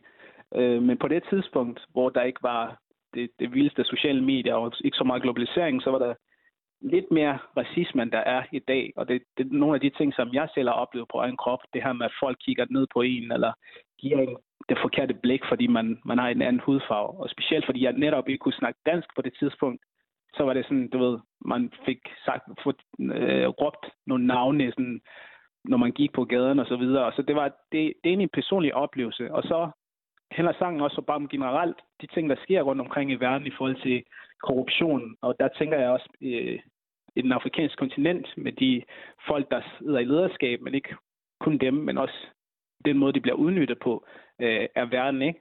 Øhm, så det tager jeg også lidt op. Det er også derfor, jeg nævner blandt andet Nelson Mandela og Malcolm X i sangen, fordi det er jo nogle, nogle af de forkæmper, eller de store mænd, som har kæmpet for, for rettighederne for, sorte, øh, for de sortes rettigheder. Så det, det er en sang, der egentlig handler om samfundet generelt, og, og, og alt det, som, som er, er lidt galt med samfundet. Øh, det her med, at vi ikke tænker på, på klima, og vi kun tænker på os selv, tænker på pengene, og det er det eneste, der betyder noget. Øhm, det er sådan det overordnede, hvad Big Bad Wolf egentlig handler om. Det, er jo- det er jo selvfølgelig også, altså overordnet kan man sige, det er jo nogle ret vilde ting. Øh, eller Ja. okay, øh, der, der er noget andet, som jeg også har bidt mærke i. Altså udover, at du er jo øh, et rapper på, på engelsk, det har vi ligesom fået en forklaring på nu. Øh, to, Ja. dine tekster handler øh, rigtig meget om, om samfundet og, og, og de oplevelser, du har oplevet, og, og de ting, du, du netop har refereret til. Og så er der en tredje ting, som også sådan, øh, er, er ret gennemtrængende i dine tekster. Det er nemlig religiøsitet og, og troen på Gud. Øh, Ja. Hvor kommer det fra, og hvor meget fylder det egentlig dit liv? Øhm, jeg tror, altså religion føler rimelig meget i mit liv. Øh, altså, det er en del af mig, kan man sige. Øh, det kommer ud fra, at øh, måden, jeg kom til Danmark på, for mig har været et eller andet tegn på, at der er noget, der passer godt på mig. Øhm, sådan for Så, at- så du kommer som flygtning? Ja, nej, faktisk ikke, øh, Nej. heldigvis. Øh, jeg er kommet helt tilfældigt ved det, på den måde, at min mor blev gift med en tysker, som boede i Danmark. Men grund til, at jeg kom hertil, det var egentlig fordi, at øh, min far døde, da jeg var syv år gammel. Øh, og da han, var, da han døde, så var det som om, at øh, døde familien ikke havde nogen forsørger, fordi i Afrika der er det manden, der skal forsørge familien. Øh, og vi havde ikke så meget at, at gøre godt med. Øh, men jeg havde en bedstemor, som var virkelig sådan en religiøs, du ved, øh, prayer mama, der konstant går i kirke og sådan noget. ting. Hun tog mig med. Øh, og i den her kirke, der bad jeg så en bøn, hvor jeg spurgte Gud, om han ikke kunne gøre noget i forhold til mit liv. Øhm, der skete ikke noget øh, de første to år, men så efter der var gået to år, så skete der det, at jeg fik mulighed for at komme til Danmark, og for mig har det altid været stået stærkt på, at der er noget, der passer på mig, og der er noget, der, der er større end mig, der er noget, der kan få nogle dårlige ting øh, forventet til noget godt, og der er religion bare sådan stået stærkt for mig, at øh, jeg altid har noget, jeg kan, vende, jeg kan gå til, når jeg, jeg har det dårligt, eller når, når livet ikke lige er, som det skal være.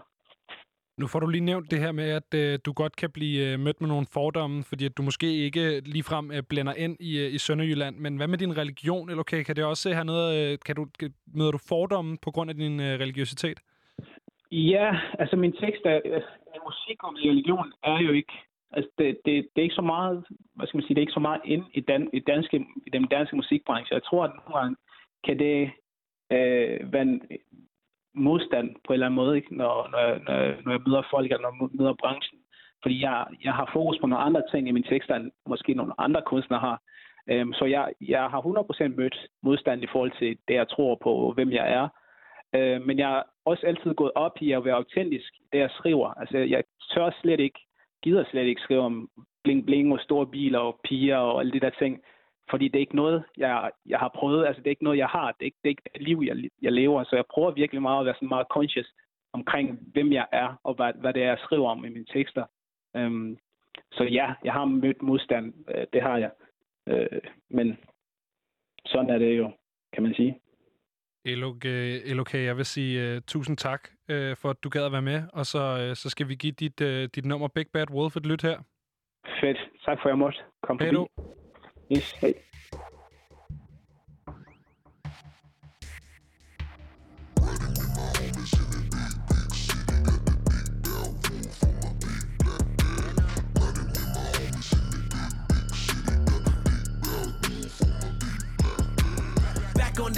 Pedestal, I've been packing the skeleton. Close the closet with antidote. This is mission impossible. See me cruising with Jefferson. Independence was president. Mr. Orange in office. I see the way that they corporate. Dumping bombs with the chemicals. See, we losing the tropical. Who cares about topic? I was talking to homies. We were driving Suzuki and blue and talking about nonsense. You know, boys be you bragging. One of them told me I'm lacking the knowledge. So they start laughing. I felt they started attacking my black and so I smash it. Uh, right in the face. Homie, what you expect? Homie, I need respect. Homie, I ain't your bet. Homie, better reflect. Homie, we can connect. Homie, perfect. Maybe I need some help. Maybe.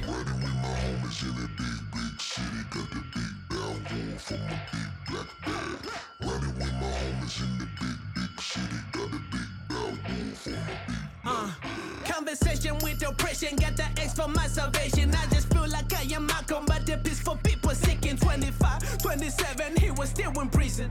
That's my deeper segregation, better listen up.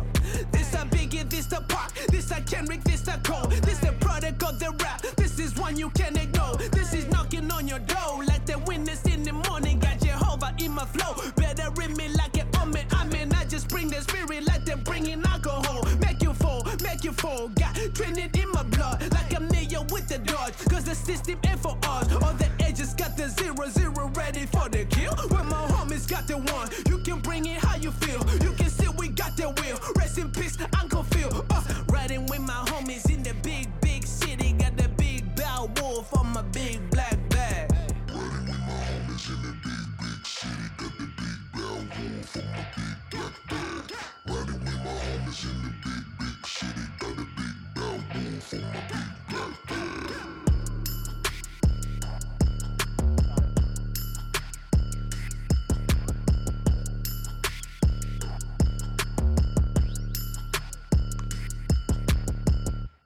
Big Bad Wolf fik du her fra LOK. Er vild historie, han, øh, han fortalte os lige før, ikke? Jo.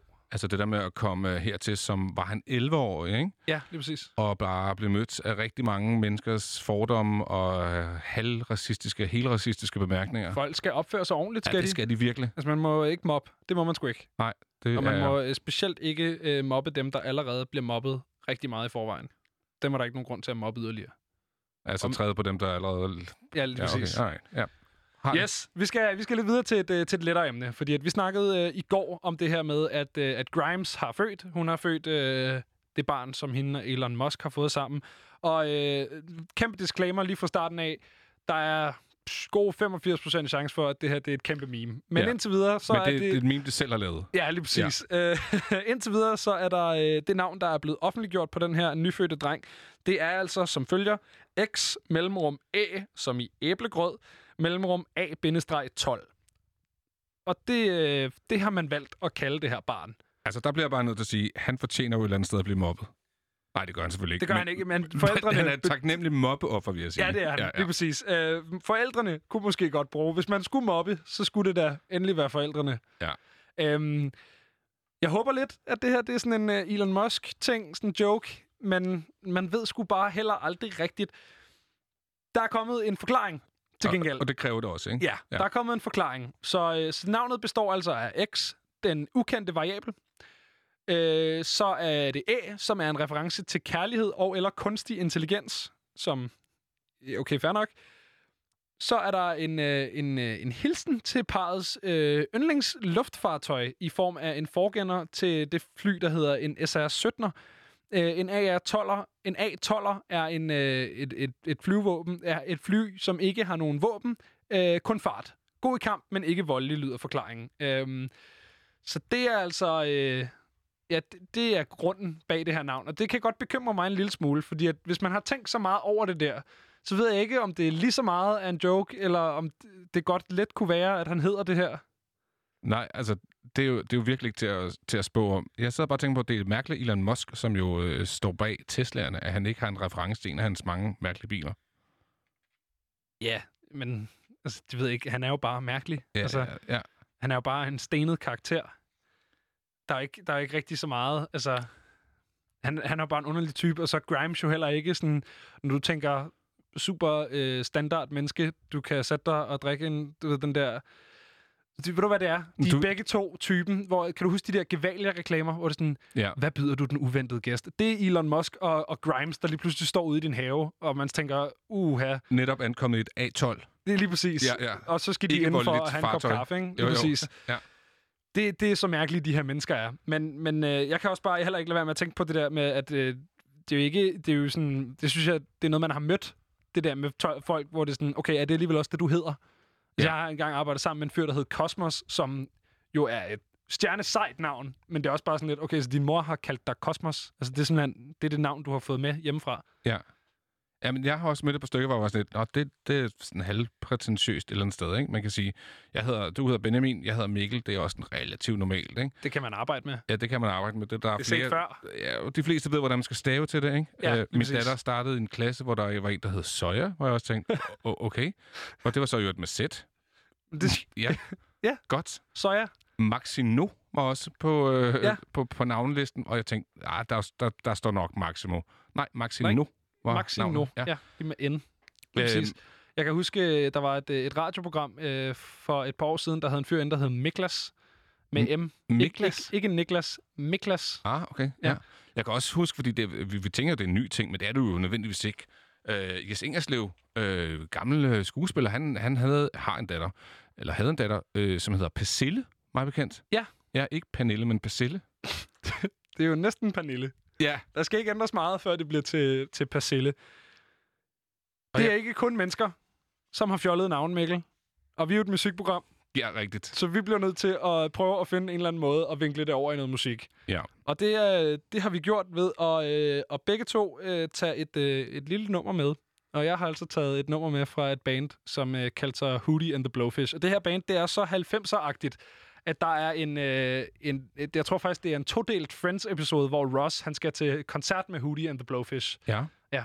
Det synes jeg bare, jeg vil sige, ligesom for at understrege, at det her Hvor det er... 90 sagt det der. Ja, lige præcis, Ja, det er ja. meget 90-agtigt. Så her får du altså uh, Hootie and the Blowfish, uh, Only Wanna Be With. You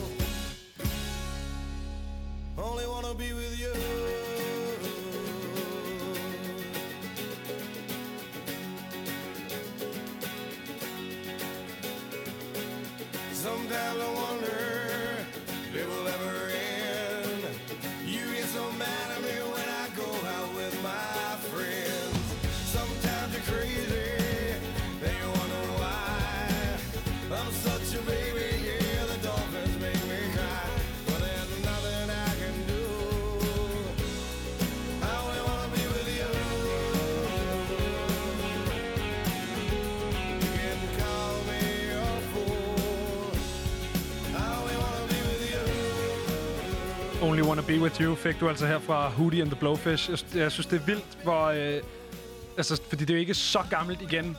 Men hvis, når man tænker på, hvor dated det her nummer det lyder, altså, det er jo bare...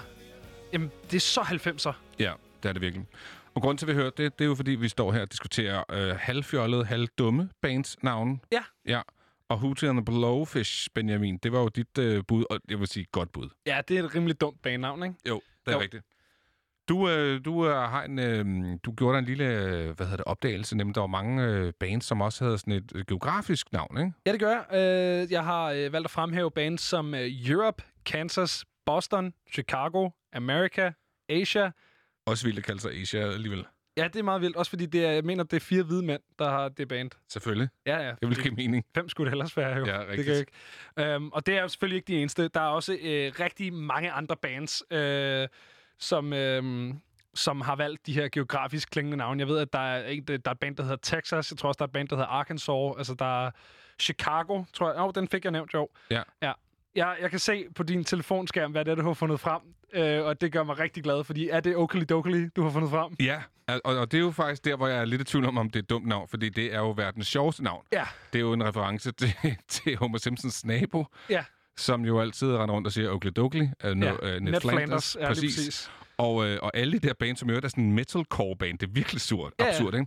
Øh, de er så iført øh, samme tøj som, øh, som Ned Og Flanders. overskæg og briller og hele Mulchausen. Altså, Ja. Og de hedder også alle sammen net i bandet øh, af forskellige årsager. Øh, det var bare for at sige, der, altså, det, det, det er sådan grænsen mellem det rigtig sjove og det virkelig, virkelig sjove. Jeg havde jo, øh, jeg havde jo lidt, lidt sådan bands, jeg skulle sidde og vælge imellem. Og en af mine øh, helt klare runner-ups for øh, dummeste bandnavn, ud over Hootie and the Blowfish, det er altså øh, bandet Chumbawamba. Ja, det er også bare helt umuligt i en Spotify-tid at finde det, ikke? Jo, jo, fuldstændig. Chumbawamba hedder de. Øh, det kan du selv gætte, hvordan øh, du staver. Jeg er sikker på, at du kender det derude. Det er dem, der har lavet det nummer, der hedder Top Thumping, som også er et dårligt navn til et nummer. Så faktisk simpelthen rigtigt. kæmpe double whammy derfra. Ja. Øh, jeg var heller ikke helt pjattet med uh, Men Without Hats. Det synes jeg også bare er virkelig fjollet navn. Ja. Ja. Det er også dumt. Øh, og måske lige så dumt som Crash Test Dummies. Ja. Som jo havde et kæmpe hit med den sang, der hed... Mm, Som du jo så også bare kan prøve at stave til. Jeg synes, et, øh, et lidt mere sådan... Øh, en ikke lige så gammel reference, øh, det er måske det band, der hedder Limp Bizkit, som jo er stadig dumt. Men hvis du lige tænker over, hvad det betyder, Mikkel, så betyder det jo øh, slatten kiks. Ja. Limp Bizkit. Slap eller slatten kiks. Det synes jeg også er, du ved, Men det var også et dumt band. Det var- Fred Durst. dumt band. Kæmpe kejl, Men ikke? også bare et virkelig, virkelig dumt bandnavn, synes jeg. Altså, kæmpe dumt. Nu vil jeg ved det. Huberstank. Ja. Ja, jeg er heller ikke rigtig pjattet med det, vel? Det er ikke den tatovering, man gider have. Det er, det er også et dårligt bandnavn. Hvad har vi mere? Vi har Curiosity Killed the Cat og Huey Lewis and the News. Ja, og det er jo sådan en 80'er ting, hvor, hvor navne her, bandsnavne skulle være super lange. Altså, Meget, meget lange. Living in a Box kan jeg da også lige smide ind i puljen, ikke? Ja, og et, et rigtig langt Grandmaster Flash and the Furious Five. Heller ikke et kort bandnavn. Nej, til en lidt sejre. Lidt sejere. Stadig lidt, øh, lidt langt og fjollet. Jeg havde en, øh, et lille... Øh, nu havde du Oakley Dokley fra metalmiljøet, men jeg havde også et lille indspark, nemlig det band, der hedder Anal Cunt. Ja. Som jeg også... Øh, altså, det, der er jo stor tradition for at hedde alt muligt morbidt. Øh, jeg kan komme på eksempler som for eksempel Dying Fetus. Øh, men jeg synes bare, der er et eller andet virkelig, virkelig dumt over Anal Cunt. Altså, det er så... Bøh-agtigt dumt. Ja. På den helt bestemte måde. Det Men kan det er jeg- også ret dumt. Altså, det er ret øh, useriøst. Det, det, dybt useriøst øh, musik. De har, øh, de har udgivet en masse sådan noget rigtig dårligt, øh, sådan noget skrællet, også dårligt indspillet, sådan noget hardcore punk-agtig musik. Og så har de udgivet et øh, album, som jeg mener hedder Love Picnic, øh, hvor at de har øh, titler som øh, I Respect Your Feelings as a Woman and as a Friend, som er sådan noget øh, fjollet akustisk musik. Det er virkelig et, et lorteband. Og som overhovedet ikke passer. Og som overhovedet ikke ja. passer. Det gør de på ingen måde. Jeg, jeg kom til at tænke på, fordi øh, du nævnte jo øh, til at starte med, Benjamin, de her øh, stednavne-bands, ikke? Og, og, Ja. og der kom jeg bare til at tænke på, en af de allerførste udsendelser overhovedet her Frekvens, der havde du Rit Rashava med. Ja, det havde jeg. Ja. Øhm, det er egentlig også et lidt dumt bandnavn, ikke? Det giver jo mening, der er en historie bag det. Det er fordi, de øh, blev, som blev forelsket i den polske punk, og så skulle der også være noget rødt, fordi det var, det ved jeg ikke, kommunistisk eller eller andet. Okay. Øhm, men, så, men ja, det er også, men det jo også et fjollet band. Apropos øh, rød, ikke Red Shaver, men øh, hvordan har du egentlig med, med øh, navnet Red Hot Chili Peppers? Ik- ikke musikken, bare navnet? Jeg synes også, det er fjollet. Det er Ja. det, er- altså, jeg, jeg ved ikke, altså, hvordan du sidder inde, du ved, du har øvet et par gange med din nye gruppe, og du kan godt, okay, vi har måske fat i noget her. Det kunne godt være sådan en ny lyd, og det der sådan, uh, vi har fundet en måde at blande funk og rock på, og det skal, øh, det skal grunge-generationen nok øh, bide fat i. Øh, vi skal bare lige finde ud af, hvad vi skal kalde os. Uh, Red Hot Chili Peppers. Ja, den, Øh, okay, hvor kom den fra, agtig? en ting er, at den kommer op, og den anden er, at de alle sammen nikker og siger, Altså, ja, ja, det den, godt være, den, det var meget den fedt. løber vi med. Altså, Green, det havde været dumt. Red Hot, ja, det lyder federe. Ja. Green Hot, nej. Men det lyder bare mere som sådan et, øh, du ved, sådan noget øh, Tex-Mex-krydderi. Ja, det kunne det godt være. Ja, Santa Maria præsenterer Red Hot Chili Peppers. Ja, lige præcis. Det lyder meget sådan. Jeg har taget et øh, nummer med fra Hootie and the Blowfish. Du har taget et øh, andet nummer med fra et andet band med et dumt navn. Ja, det er både dumt og, navn, og langt hedder det, ikke? Øh, så det tænker jeg, det skal vi høre. Øh, World Famous Supreme Team. Altså, det er jo røvfedt, men det er et dumt navn. Dumt navn. We'd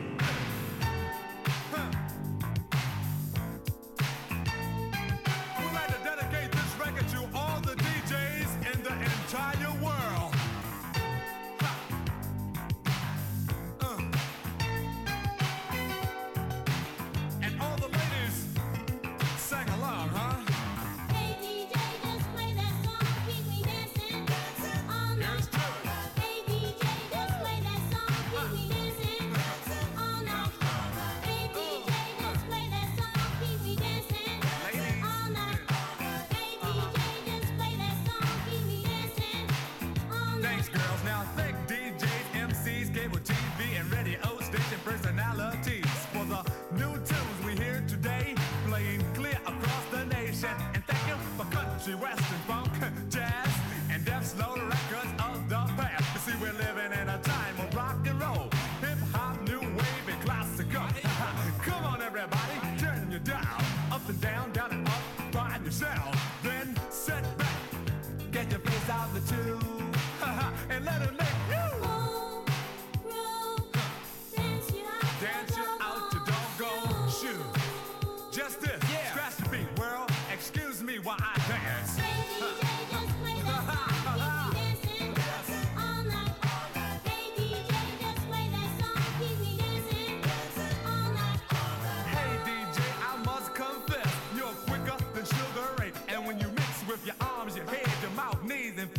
you're smoother than Dr. J. you didn't come to the party in a limousine, yet your guts are fresh and your rap so mean.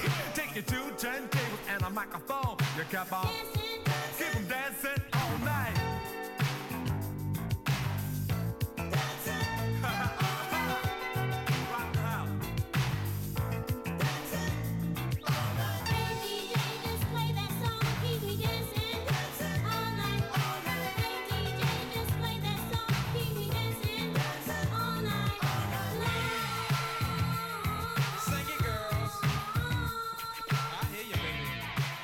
Famous Supreme Team.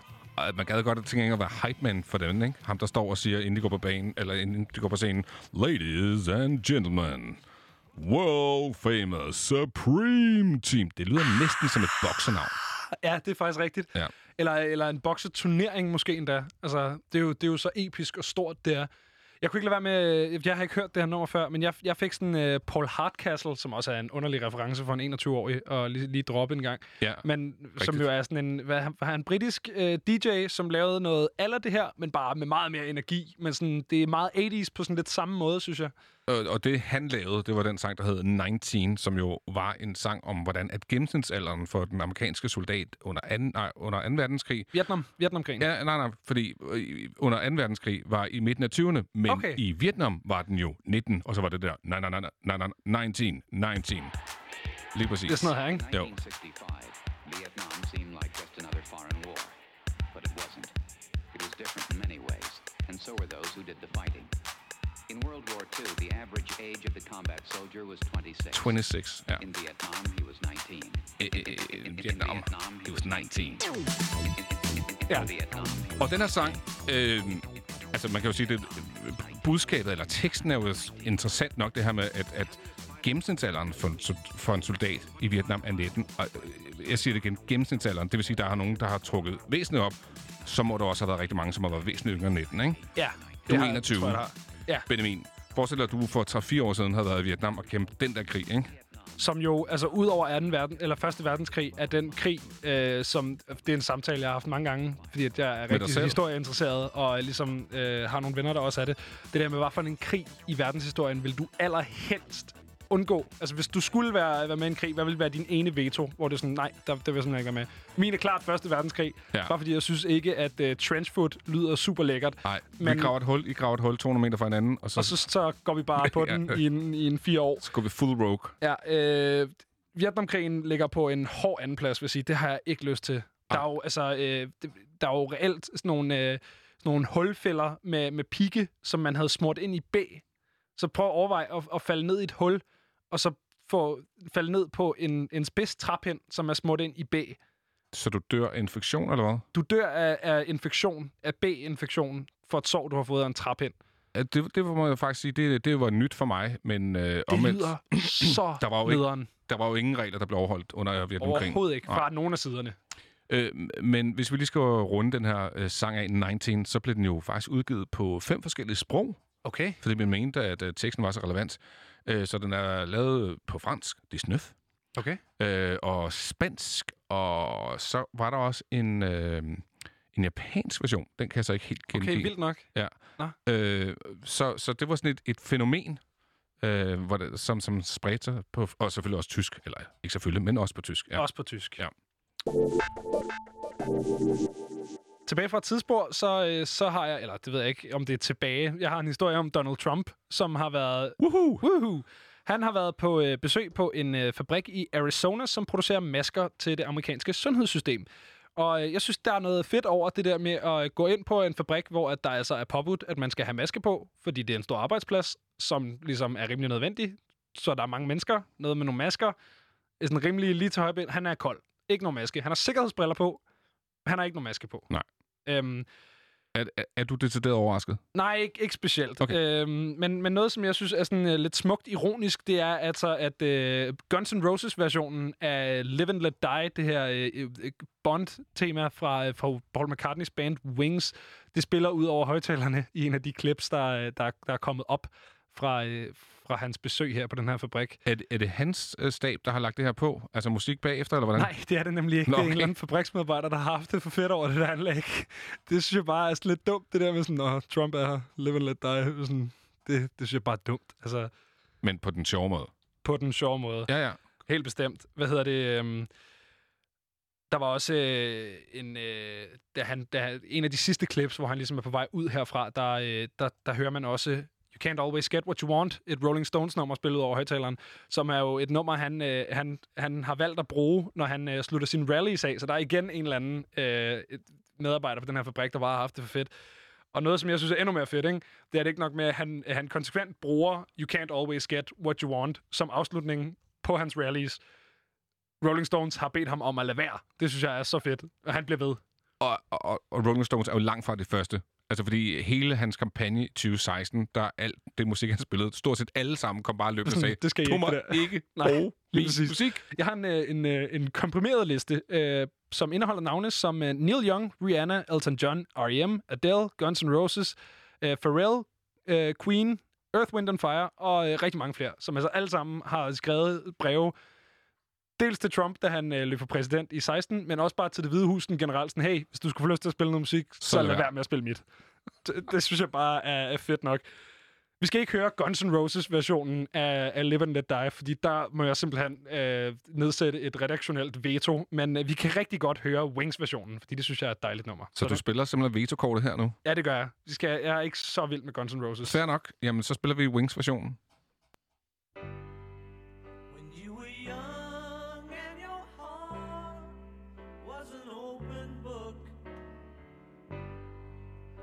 Used to say, live and let live. You know you did, you know you did, you know you did. But if this ever changing world in which we live in makes you give in and cry. Say live and let die.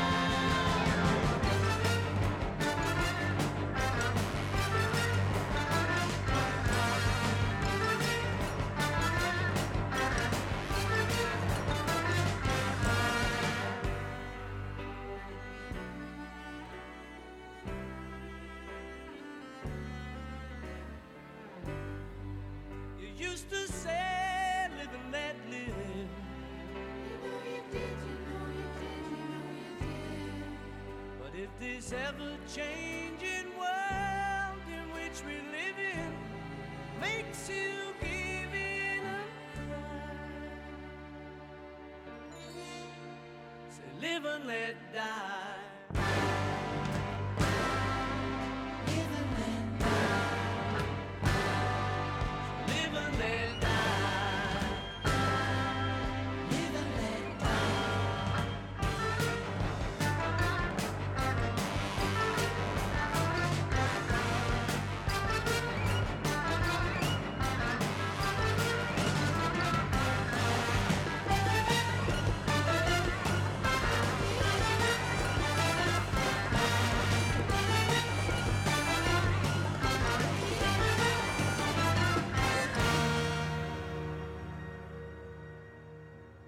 Wings Live and Let Die fik du altså her. Som jo er fordi, at øh, Donald Trump han har gået rundt på en øh, maskefabrik i Arizona uden maske på, og vi havde en undskyldning for at spille det. Fordi at, øh, jeg ved ikke med dig, Mikkel, men jeg, jeg synes personligt, at, øh, at Bond-temaerne altså er en, øh, en evigt givende skattekiste af virkelig god musik. Altså når man kigger øh, sådan nogle spillelister eller øh, kompilationsalbums igennem, hvor det jo er alle Bond-sangene samlet, så er det altså virkelig nogle, øh, for det første, sindssygt legendariske kunstnere, der indspiller de her numre. Altså det er jo alt fra øh, Gladys Knight til Øhm, Billie Eilish i vore dage, Adele. Øh, Madonna. Madonna har lavet en version. Duran Duran, Garbage. Ja, alt muligt lækkert.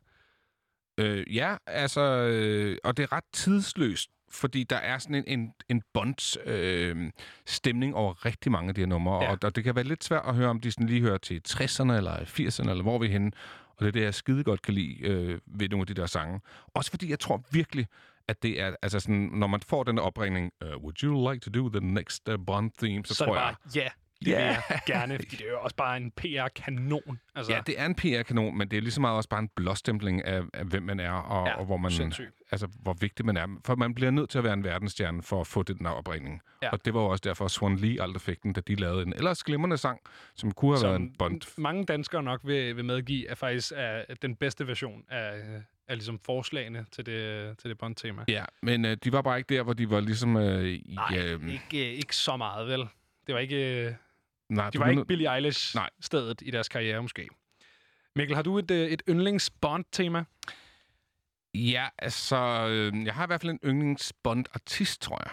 Shirley Bassey, som har fået lov til at lave flere temasange, faktisk. Ja, det så jeg lige. Øh, jeg er specielt begejstret for hendes uh, Diamonds Are Forever. Uh, det er også en klassiker. Den er også blevet samlet i uh, Diamonds from Sierra Leone, uh, som faktisk Også er en af de uh, Kanye-numre, som jeg kan stille mig bag og sige, godt lavet.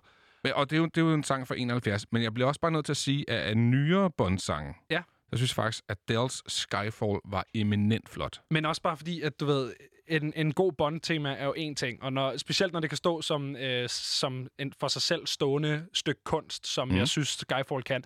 Men Skyfall var jo også bare en sindssygt fed film. Altså, så når, når begge ting bare spiller 100%, altså der, jeg tror, der er en grund til, at der er ikke nogen, der kan huske øh, temaet for Quantum Solace, eller det, det kan jeg i hvert fald ikke, men det er fordi, man kan heller ikke rigtig huske Quantum Solace, hvor at når, når et virkelig stærkt nummer står sammen med en virkelig stærk film, så, øh, så er det altså, du ved, så er det ligesom... Det var også en dårlig sang. Var det det? Ja, det synes jeg faktisk, det var. det kan, jeg kan ikke huske den, så jeg Sam kan faktisk Smith? ikke udtale øh, var det ham? Nej, det var, det var Spectre. Det er rigtigt, ja. Ja, øh, Quantum of Solace, det er den første øh, Daniel Craig Bond-film. Ah, ja.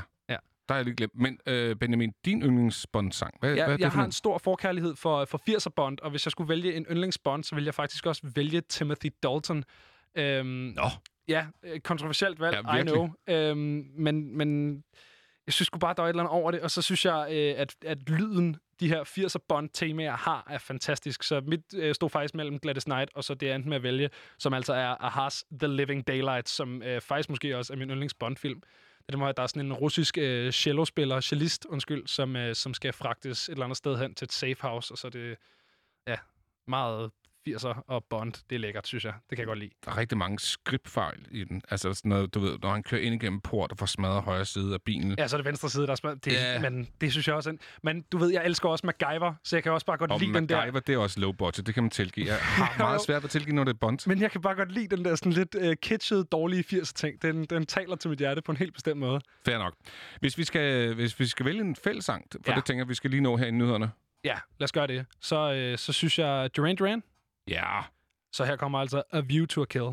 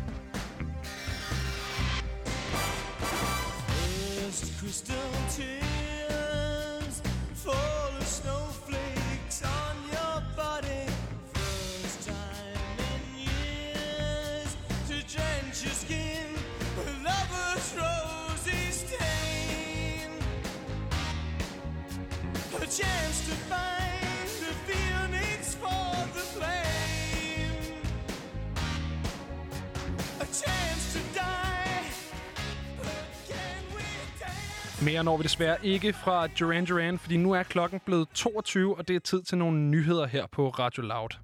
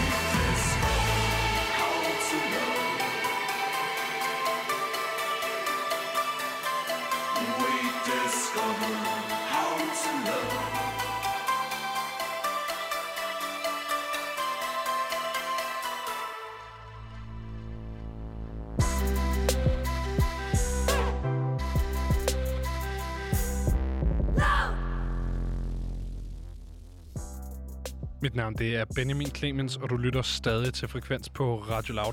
Her fik du Animo Anime med nummeret Afterlife, som øh, faktisk originalt var et lytterønske. Jeg står ikke alene i studiet. Jeg har nemlig taget min øh, redaktør Mikkel Bakker med ind i, øh, i dagens anledning. Så øh, hej igen, øh, Mikkel. Hej igen. Hej, hej. Det er meget sjovt, vi gør det her hver gang. Det har jeg tænkt over. Ja. Det der med at sige hej. Vi har jo stået her hele tiden. Præcis. Ja. Men det er meget hyggeligt, synes jeg. Lige at hilse på hinanden. Lige at sådan reconnecte. Gør det også det med en kæreste, hvis I sidder sammen sådan en hel aften, sådan lige en gang i timen? Så ja, kigger du du ved, op og sådan, hvis vi har set et afsnit Breaking Bad eller noget, så kommer der lige sådan, Nå, hej, hej, hej.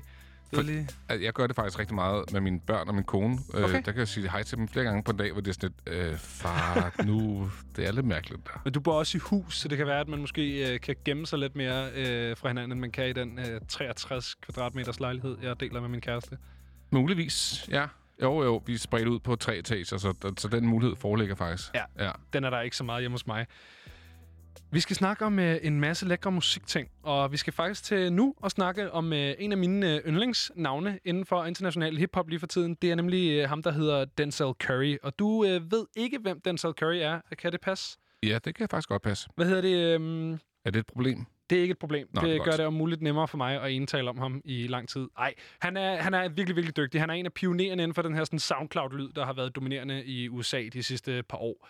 Øhm, han kommer fra Florida, Mm. og øh, var lidt med i samme bølge som øh, Kodak Black, hvis det siger der noget, som Oh, oh, yes. er en øh, helt anden lyd. Øh, Ja. han, Kodak Black, han er meget kogeren, hvor Denzel Curry, han er altså bare... Han er bare Energizer-kaninen på Red Bull. Altså, han har energi, så det står ham ud af alle kropsåbninger. Han blev øh, han, han, han blowede ligesom op med, med det track, der hedder Ultimate, øh, hvor han har sådan et fuldstændig underligt kaotisk flow. Og så han ligesom, du ved, så kom der et til album, og så var man sådan, åh, Denzel Curry, mere underligt, trivialiseret, kaotisk lort.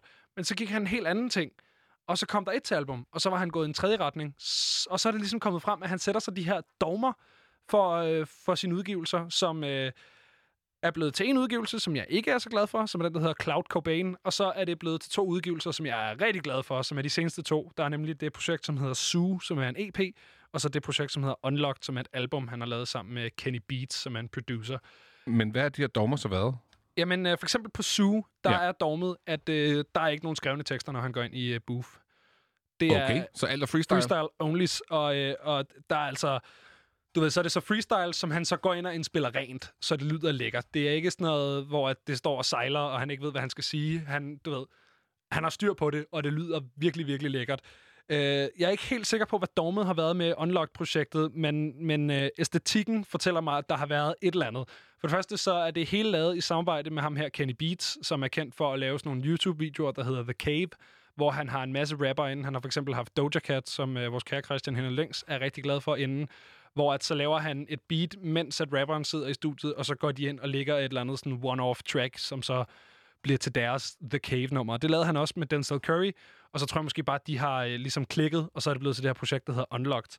Øhm, grunden til, at vi snakker om ham, det er fordi, at han har simpelthen øh, han har fortalt øh, til amerikansk medie, at han, øh, han har tænkt sig at lave en Andre 3000. Han skal altså ikke ende i den her øh, sådan washed up gamle rapper øh, ting. Han har han er lige omkring de 30. Han har sagt nu, han har tre albums mere i sig, og så er det det. Han Lig, skal- Ligesom Drake sagde for fem album siden.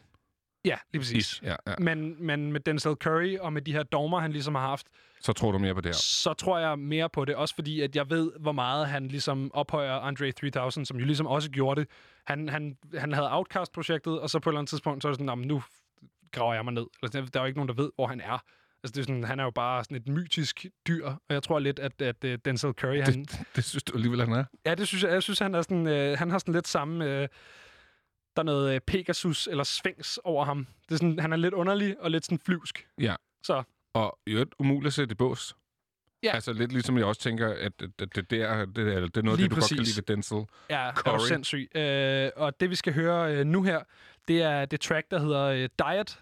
Og øh, en del af æstetikken på det her, det er, at øh, alle, øh, alle sangene har øh, noget, der minder mere om et filnavn, end det øh, minder om et, øh, et, et nummer. Så, så det her, det hedder altså ikke Diet. Det hedder Diet i all caps, efterfulgt af en underscore. Og der er også øh, der er numre, der er efterfulgt af .pkg og sådan noget. Så det, det hele ligner, du ved, at man har åbnet en eller anden mappe i Windows 97, man ikke skulle have pillet ved. Så det her, det er for Unlocked-albummet? Det her det er fra Unlocked-albumet, Ja, okay. som kom ud. Jeg kan faktisk ikke huske, om det var tidligere i år, eller om det var sidste år. Men det er rimelig nyt. Øhm, og øh, der er nogle referencer til nogle rapper, som jeg er sikker på, at du øh, godt kan, kan fange her, Mikkel. Så øh, her kommer altså Diet fra Unlocked-projektet af Denzel Curry og Kenny Beats.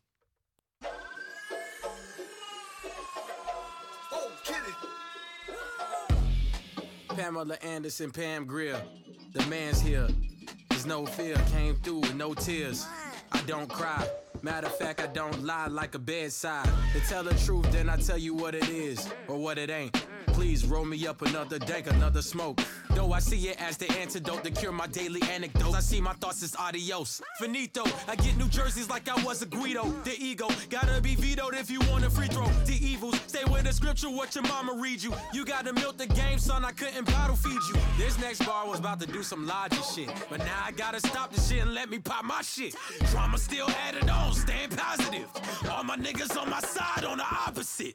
Get money from a then deposit it. Uh, yo, shows got no holes, I acknowledge it. So braggadocious, spit sick shit, it's atrocious. Rising like the stock, stock broken. The shogun came through with no gun. One man, Ichiban, fresh out of Japan. Do it like a man, and what I demand is some fucking peace and quiet. I told him, please go to church and please get on the diet.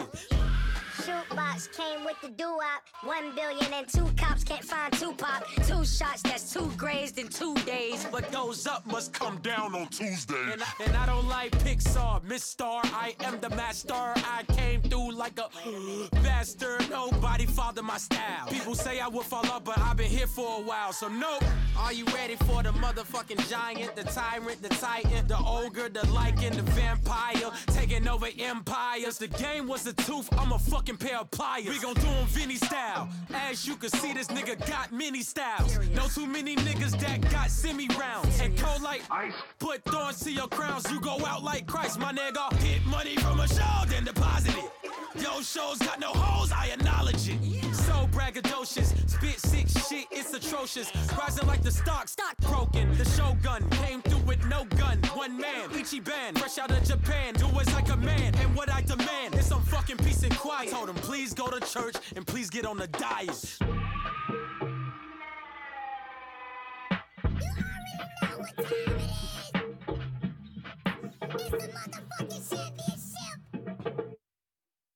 Så her fik du altså Denzel Curry og Kenny Beats' Diet. Hvad, hvad synes du om det her, Mikkel? Ja, øh, sindssygt fed energi. Altså, ja, den der øh, Energizer Bunny, Ja. som bare lige har drukket Red Bull, øh, kan jeg sagtens se for mig. Ja. Øhm, jeg noterede mig med tilfredshed, et, at jeg kunne høre, hvad han rappede, og han, han rimer rigtig fedt. Han rimer nemlig rigtig fedt. Og så synes jeg, en af de fedeste ting, det er der, hvor han, øh, han siger på et tidspunkt, This next bar was about to do some logic shit, but now I gotta stop the shit and let me pop my shit. Og så begynder han gradvist derfra bare at lyde mere og mere som DMX. Ja. Og det synes jeg bare fungerer helt vildt godt, hvor det sådan, jeg havde Det ikke... lyder bedre, end når DMX lyder som DMX. Lige præcis. Ja. Altså, jeg havde ikke forventet for det første at høre en DMX-reference på et, øh, et endnu mindre et godt hiphop-nummer i 2019. Men jeg synes bare, det er så fedt, det der med sådan, at have den der evne til både at øh, give homage til noget sådan lidt underligt-agtig 90'er start 0'er rap, samtidig med, at det bare holder. Altså, det er simpelthen... Det er, kan jeg ikke anbefale nok at gå ind og tjekke øh, hele Denzel Currys øh, diskografi ud, fordi han har altså virkelig fat i den lange ende, synes Ja, jeg. det bliver jeg nødt til at tage med mig. Det er tak.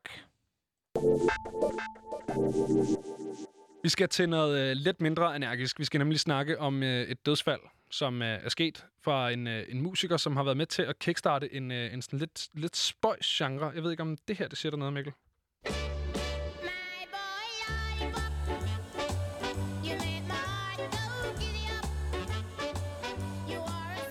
Og det er jo et, øh, gammelt nummer. Det er et gammelt nummer, ja. Og jeg, jeg forestiller mig, at det var et barn, der sin tid optrådte med det. Og det har hun nok også været. Men øh, Millie Small, som hun hedder, hende der synger her, hun er altså nu død som, øh, som 73-årig. Og, øh, jeg Men hun kan ikke som barn, ikke? Jo, men det her det er, også fra øh, 54, 64. Jeg okay. kan ikke lige lave matematikken, men jeg kan godt forestille mig, at hun ikke er super gammel, da det her det bliver indspillet. Ja, men ikke barn, Ikke, jeg. ikke barn måske. Nej.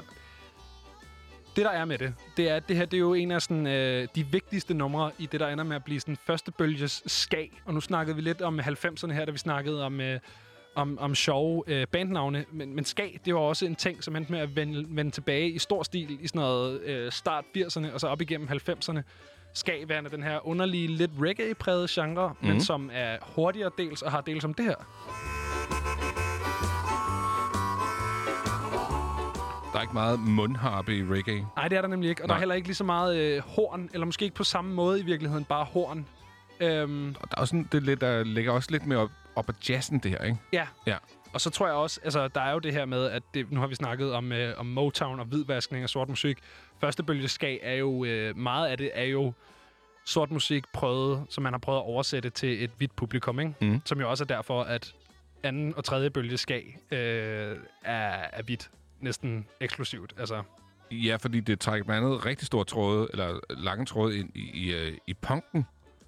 Ja, det gør det nemlig. Jeg har været rigtig, rigtig glad for et band, der hedder Choking Victim, som, øh, som laver sådan en underlig... Som Øh, også er et vildt bandnavn. rimelig vildt bandnavn, men de laver sådan en, øh, en, en underlig, øh, underlig blanding af, øh, af skag og hardcore punk. Øh, super stenet band. De har udgivet et, en plade, som hedder øh, No Gods, No Managers, som jeg varmt kan anbefale at tjekke ud, hvis man er til det sådan lidt øh, hårdt slående, men også lidt underlig musik. Ja, jeg Øhm, tror, jeg holder mig til Denzel Curry for i aften. Er det okay? Ja, det er helt Ja. okay, men øh, det kan være, der er nogen ude i, øh, den anden ende af radioen, som, øh, som er lidt mere til det, til det voldsomme. Øh, og til dem, så kan jeg altså varmt anbefale Choking Victim.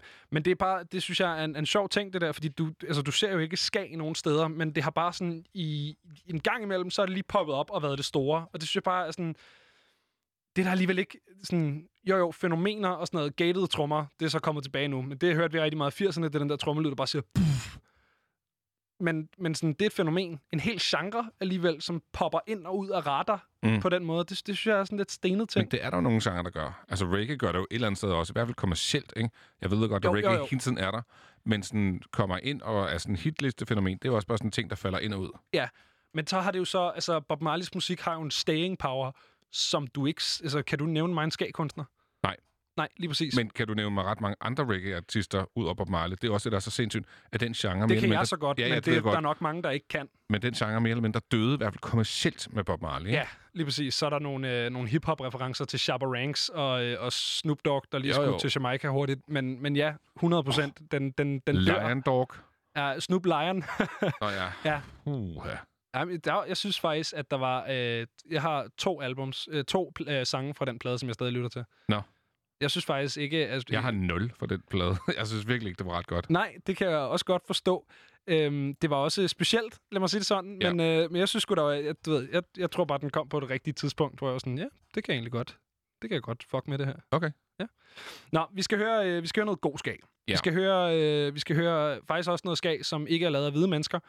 Øhm, øh, ish, faktisk, fordi den her sang er skrevet af hvide mennesker, og så øh, senere blevet øh, coveret af øh, Dandy Livingstone. Og det er altså det nummer, der hedder Rudy, A Message to You, som du måske kan huske fra John Favreau-filmen Chef.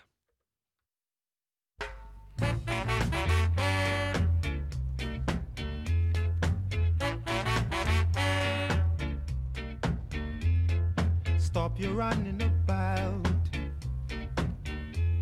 It's time you straighten right out. Stop your running around, making trouble in the town. Ah, Rudy, a message to you, Rudy, a message to you.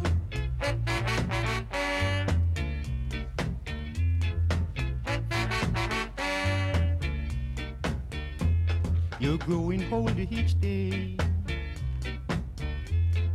Want to think of your future, or you might wind up in jail.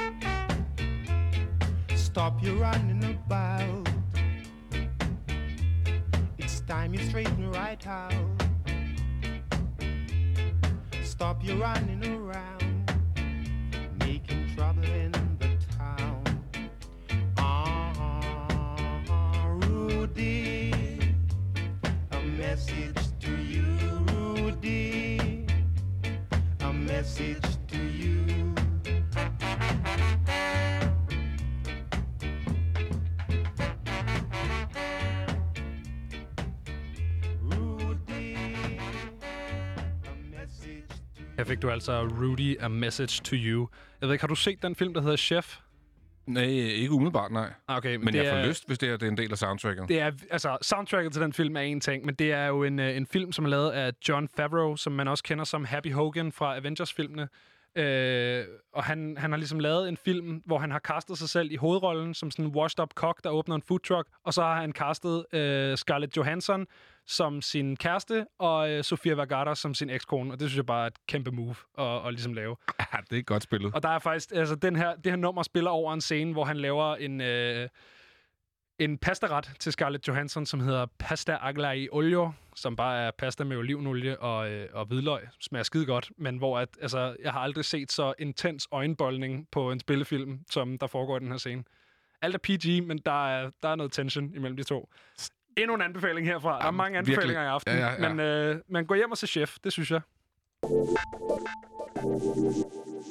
Vi skal snakke lidt om, øh, om, om livestreamede koncerter, som vi har snakket om øh, meget her på Frekvens. Men nu kommer der altså et nyt tiltag, fordi at øh, Michel Wolf Mathisen, han har startet noget, der hedder eliveconcert.com, som skal være det første danske streamingportal til koncerter, hvor man betaler fuldstændig ligesom man vil til en normal koncert, udover at det selvfølgelig er noget billigere. Øhm, indtil videre har platformen to koncerter på kalenderen, nemlig Guns N' Roses Jam med øh, Tracy Guns, som jo var en øh, medstifter af Guns N' Roses, og faktisk også den, den ene halvdel af navnet i Guns. Øhm, og så Mathilde Falk en gang i næste uge. Øh, koncerterne, som øh, ligger derop, skal, skal lige nu afvikles øh, i tab 1 på Amager, og prislaget for koncerterne er, øh, er 50-60 kroner. Vi har øh, Michelle Wulf med på en, øh, en telefon. Hej Michelle. Hej. Hej. Hej du. Hvad, hvad sidder du og laver? Nå, lige nu så, så snakker jeg i telefon med dig, jo. Jamen, det er også øh, super hyggeligt. Ja, ja, det må man sige. Det må man sige. Og ellers så forbereder vi jo på, på vores, på vores livestreaming-koncerter og lignende. Og så. Ja, hvor, hvor, er allerede gået i gang og sådan jo. hvor kom ideen fra? Øh, hvor kom ideen fra? Jamen altså, jeg har jo faktisk, jeg har faktisk lavet det for otte år siden, jo, altså, sådan, øh, hvor vi prøvede at køre det op, hvor øh, Danmark faktisk ikke rigtig var parat til det her med livestreaming, og der var ikke så mange, der kendte til det, og dit og datten, ikke? Så, så jeg endte med at lukke det lidt ned igen. Øh, og så her, da coronakrisen ramte og sådan, så, så tænkte jeg, ja, hvorfor ikke? Nu er det nu, er det nu øh, er det ligesom er mere og mere egnet til at komme frem igen og sådan. Og så åbnede vi det op igen og begyndte at arbejde lidt på det. Og men, men, men nu siger du, at, at, at det er noget, der er- altså, det er en idé, der blev undfanget for otte år siden. Øh, altså, hvordan kom du egentlig på den her idé? Fordi på det her tidspunkt, der må det jo have været sådan... Altså, man kan sige, i corona giver det mening. Det gjorde det måske ikke så meget for otte år siden. Ja, det kan du selvfølgelig godt have ret i. Altså, nu, jeg har altid været i musikverdenen selv, og sådan, og så er det det her ligesom at give musikerne en ekstra, ekstra måde at kan lave et indtægt på. Øh, når koncertsteder de, de øh, har udsolgte koncerter og lignende, så, så det er ligesom kun sådan franske hotdogs og fadbamser, de kan tjene resten af, af der, deres løn ind på. Øh, og det var der, det, det udspillede sig fra, ved så at ligesom kunne tilføje en ekstra indtægt til musikerne ved at de kunne vise deres koncerter både til deres fans og komme ud til et større publikum øh, ved at kunne livestream, samtidig med at de holder en live-koncert. Ja, så, fordi så det er faktisk... Selve koncerten ja. kommer til at foregå på, på et spillested, ikke? Jo, det gør det. Så gør det er, ikke, det er ikke sådan noget med, at de står hjemme i deres soveværelse. Og, altså, det er sådan en, en, en, en rigtig produktion, eller hvad man skal sige, bare uden publikum. Ja, det er det nemlig. Altså, vi har, vi har, vi har jo lavet noget samarbejde med de her to koncerter her med Nordic Event, eller med Nordic Rental, øh, og gået ind sammen med dem, som, som hjælper os med at producere de der to øh, koncerter derude. Øhm, og det, det vi netop ved, det er, at vi vil, vi vil skære væk fra alt det her med, med hjemme livestreaminger og musikere, der sidder for dårlig kvalitet og dårlig lyd og alt muligt andet. Øh, altså, både, altså to ting. Det giver et, et rigtig dårligt ry til, til livestreaming. Der kommer et menneske ind og ser en livestreaming-koncert. Der går ikke lang tid før, de er væk, fordi, åh nej, kvaliteten og alt muligt andet.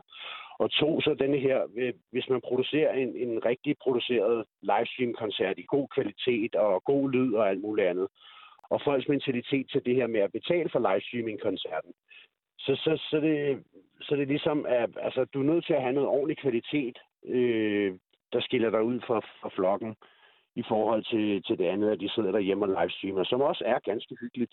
Michel, du nævner øh, lige det her med, øh, at man jo betaler. Hvordan håber du, at, øh, at modtagelsen på den her platform bliver? Fordi det er jo en betalt livestreaming. Tror du, folk vil, øh, vil være parat lige ud af, af porten øh, til at betale for noget, som man jo har kunne få gratis de sidste øh, par måneder?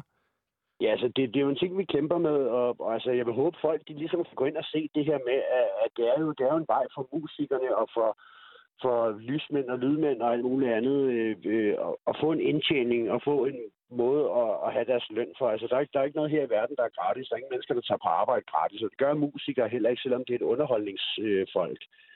Øhm, så, så det, der ligger i det, det er, at, at vi har lavet hele platformen baseret på, at man deler procenter ud til alle mennesker. Både deres musikorganisationer får penge, både musikerne, bookerne, venuen, øh, øh, altså hele banden er delt over i en procentsats, som man bliver enige om alle sammen sammen inden og så deler ud. Og streamingtjenesten også. Vi har et godt samarbejde med, med et kæmpe serverfirma, der hedder Sagita, der sørger for de her livestreaminger til os og alt muligt andet. Og, og de er også med i en procentsats og tjener, tjener penge ud af alt det her. Øh, og jeg er godt klar over, at det er en mentalitet, der ligesom skal ændre sig inde, inde i folks øh, hoveder med det her. Nå, men vi kan bare se alt gratis på nettet.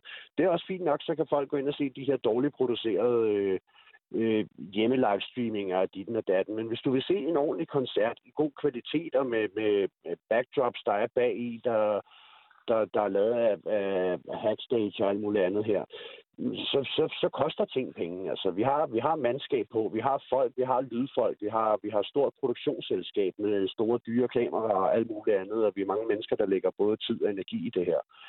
Så, så, så det koster penge, øh, og det tror jeg godt, danskerne de kan forstå. Altså, det, det, jeg tror ikke, at det er sådan en hel... Og samtidig med, at de vil også godt være underholdt.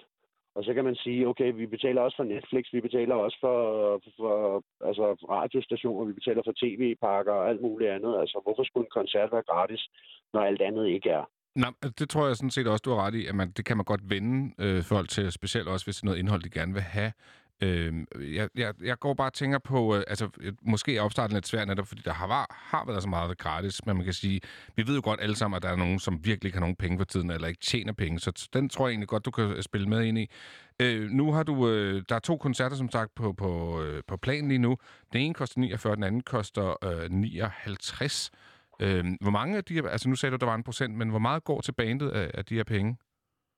Jamen altså, vi, vi, afleverer, vi afleverer 35 procent til banen sådan rent ud, ikke? Altså, mm. øh, og så resten af procenterne, der har vi så, der har vi så delt ud mellem øh, produktionen og streamingholdet, og Koda får 10 procent. Der kan man sige, at de 10 procent til Koda, det er jo også musikerne, der modtager dem.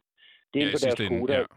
Ja, det er jo inde på deres Koda-kontorer, som de også er vant til at få, når de laver live-koncerter og festivaler og, og alt muligt andet. Der får de jo også deres Koda-penge, som også er en måde, som musikerne de overlever på. Det traditionelle spørgsmål, nå, hvad, jamen, hvad laver du så rigtigt arbejde, ikke? Altså, når folk de siger, de er musikere, ikke? Altså, og nu, jeg har været i musikverdenen i mange år, altså sådan, jeg kender rigtig mange musikere som mine venner og ditten og datten, så, så alt her på E-Live Concert er lavet i samarbejde med, med musikere og, og deres problematikker, både i forhold til coronavirusen, men egentlig også i forhold til, når coronavirusen den, den er over igen.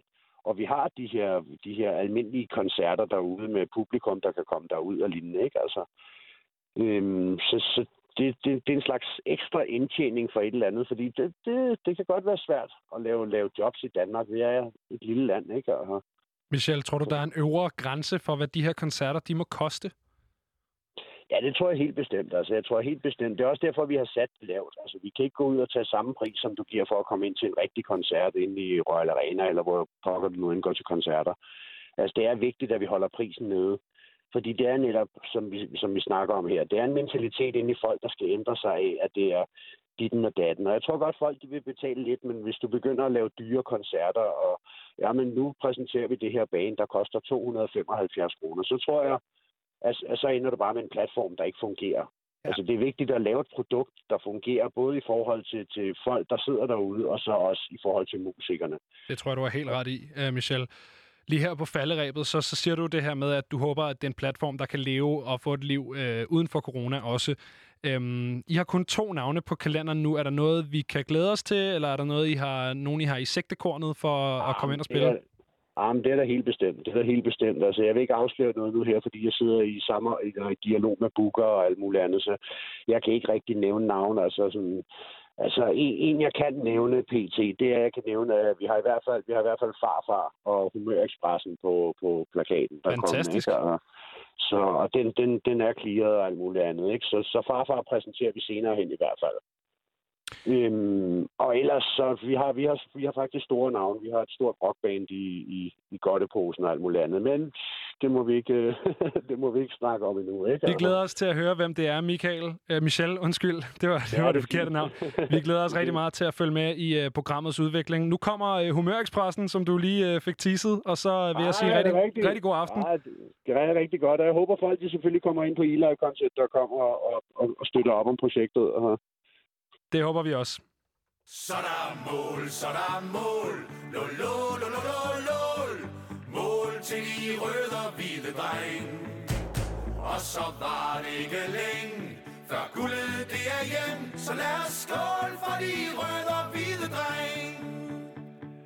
Danmark er mit fædreland Vi klapper vores hænder for sammenhold vi gør altid det bedste vi kan Skulder ved skulder, kvinde og mand oh, Alle mine drømme oh, Bliver det virkelig i dag oh, En kamp med arme Det er tre point og en bajer nu. Det er tre point og en sejr nu. Og der er scoret. Danmark har scoret. Så der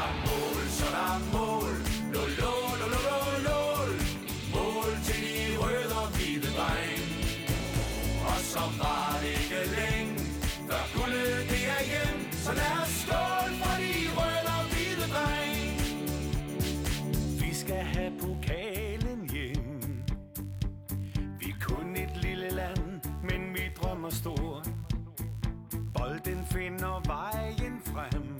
Skulder ved skulder, kvinde og mand.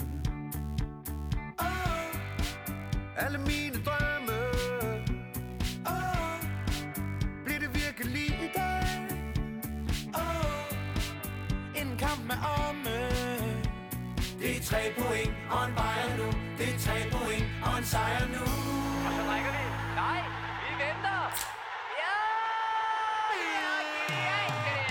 så der er mål, så der er mål. Lå, lå, lå, lå, lå, lål. Mål til de røde og hvide dreng.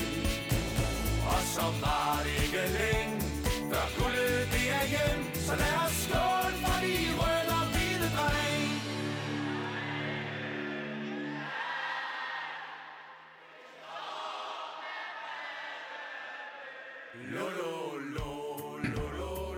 Her fik du altså en, øh, en lille omgang humørekspressen Ja, men ved du hvad, det fik mig til at tænke på? Hvad fik den til at tænke på? At der jo ikke er EM i 2020 alligevel. Nej. Jeg bliver jo faktisk grundked af det. Endnu en gang bliver jeg mindet om coronas latterlige klamme hånd, som bare har lagt sig hen over hele verden og ødelægger alt for os det her år.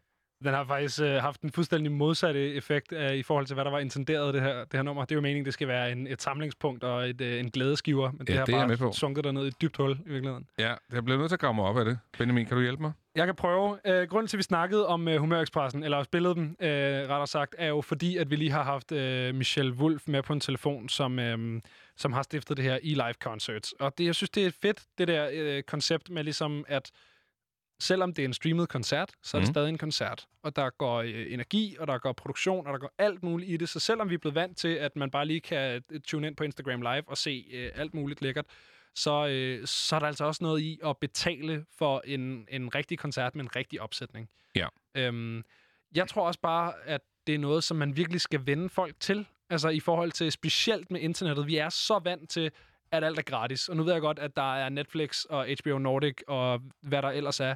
Men for eksempel en platform som uh, YouTube. Mm. YouTube har jo været gratis, siden det lancerede en gang i 2005, seks stykker, eller hvornår det nu kom frem. Ja. Nu har de så lanceret det her YouTube Red, og jeg har ikke en, en, ligesom en fornemmelse af, at jeg, jeg tror ikke, jeg kender nogen, der har YouTube Red. Den her premium YouTube, hvor så er der alle mulige eksklusive serier og alt muligt, du kun kan se. Jeg tror, altså, når folk først har vendet sig til, at noget er gratis, så tror jeg simpelthen, det er så svært at ændre den der kultur.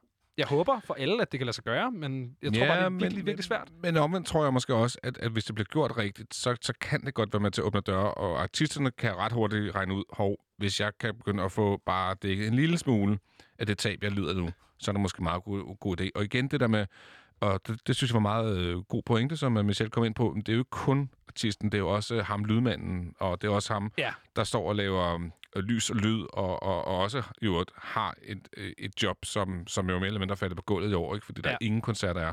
Og det synes jeg er super sympatisk. Og det tænker jeg også, det kan man måske godt appellere til. Og det kan jo folk godt forstå. Jamen her er altså mennesker, som har et almindeligt job, og de skal også stadigvæk prøve at tjene nogle penge. Og så tror jeg måske, hvis man kan få skabt en kultur musikere iblandt også om, at øh, du ved, ikke at for at bruge et hårdt ord, lønpresse, men mm. det Mhm. her med, at jamen, prøv at du ødelægger det lidt for os andre, i forhold til, at vi vil gerne tage penge for noget, som du ligger og giver ud gratis. Altså, så kan det jo også være, at man måske kan få skabt en kultur musikere iblandt, i hvert fald i den her tid, hvor at det der med en øh, gratis livestreamet koncert måske bliver lidt mere en sjældenhed, fordi at man skal skabe en accept af, at det koster penge, når der er live musik, ikke? Jo, øh, jo det skal vi tilbage til, Ja. kan man sige. Så, så på den måde er det, er det også rigtigt. Øh, jeg står bare og tænker lidt på, hvad vil man egentlig selv give? Altså, hvad, hvad, hvad vil du betale for, Benjamin, for at gå ind og se altså sådan live-mæssigt øh, stream? Det kommer meget an på, hvad det er jo. Men, men jo, jeg, jo, jeg men tror, at hvis den der... man kigger på din, altså sådan, de fem bands, du allerhelst vil se lige nu. Ja, men så ved jeg... Altså, jeg tror ikke, jeg vil... Bet, altså, Lad, lad os tage et, et band, som jeg ved, begge to har stor passion for. Ja. Hvis Melty Coin lavede sådan en online-koncert, det, det gad jeg faktisk godt at, at, at det se. kan jeg også godt se, men det er også bare... For, nu har jeg jo haft glæden af at se Malte Coin live af flere omgange. Mm. Øhm, og jeg kan bare ikke forestille mig lige med det eksempel, det der med, at, øh, at de skal være lige så fede og kunne komme lige så langt ud over scenen, øh, når de spiller for et kamera. Nej. Så jeg tror, at vi, altså sådan, jo jo, de Men- der øh, 40 kroner, men så heller ikke super meget mere. Altså 49, der, der, der vil jeg være med. Ja. Men allerede ved 59, så vil jeg tænke to gange. Det er, Er den det der, rigtigt? de der skiller der, de, altså, du ved, så snart at det er 50, noget, der... 100, ja, lige ja, præcis. ja, mm. Øhm, til til 49, der var okay, fedt, det skal jeg sgu også lige se. Og så vil jeg sætte mig ud i køkkenet og, og drikke en øl og se det. Men 59, så havde jeg, så er der sgu god chance for, at jeg bare havde spillet Playstation i stedet for. Altså, Okay, ja, øh, jeg, jeg tænker lige præcis med dem vil jeg nok gå lidt højere op, men, men, men jeg tror også, at smertegrænsen ligger der omkring. Altså, med mindre det er sådan noget, hvor man bare tænker, okay, det her, det skal jeg simpelthen se, for det er Ja. en one-off. Ja. Øhm, ja, interessant. Øh, det, det bliver helt sikkert prisen, der kommer til at afgøre, hvor stor succes det her bliver. det tror jeg også. Vi snakkede lidt om, øh, om støttesangen, som jo på grund af den kære covid-19 øh, er noget, der er begyndt at vende lidt tilbage. Noget, som jeg ellers ikke har set siden jamen, en gang i nullerne. Det var meget sådan noget øh, øh, Afrika-støttesangen. Nu er det meget øh, støtte sundhedsvæsener og støtte øh, støttefonde for corona. Og nu har øh, Bon Iver også været ude med en ny single, som hedder PDLIF, som står for Please Don't Live in Fear. Ja, og man kan sige, øh, vi spillede jo faktisk også en uh, sang tidligere her i dag, øh, som var virkede som et venstrehåndsarbejde fra Sia sammen med Dua Lipa. Egentlig ja. lidt mærkeligt. Så synes jeg derimod, at den her sang fra Bon Iver, den virker meget mere gennemarbejdet, og en rigtig fin sang. Øh, det bliver ikke noget stort hit, så jeg tror ikke, det kommer til at generere super mange penge, desværre, fordi igen, det er jo også en, der, der giver overskud øh, videre til corona-ramte. Men øh, jeg synes, vi skal høre den, for det er bare en øh, rigtig fin sang, og øh, som du siger, så hedder den jo altså Please Don't Live in Fear.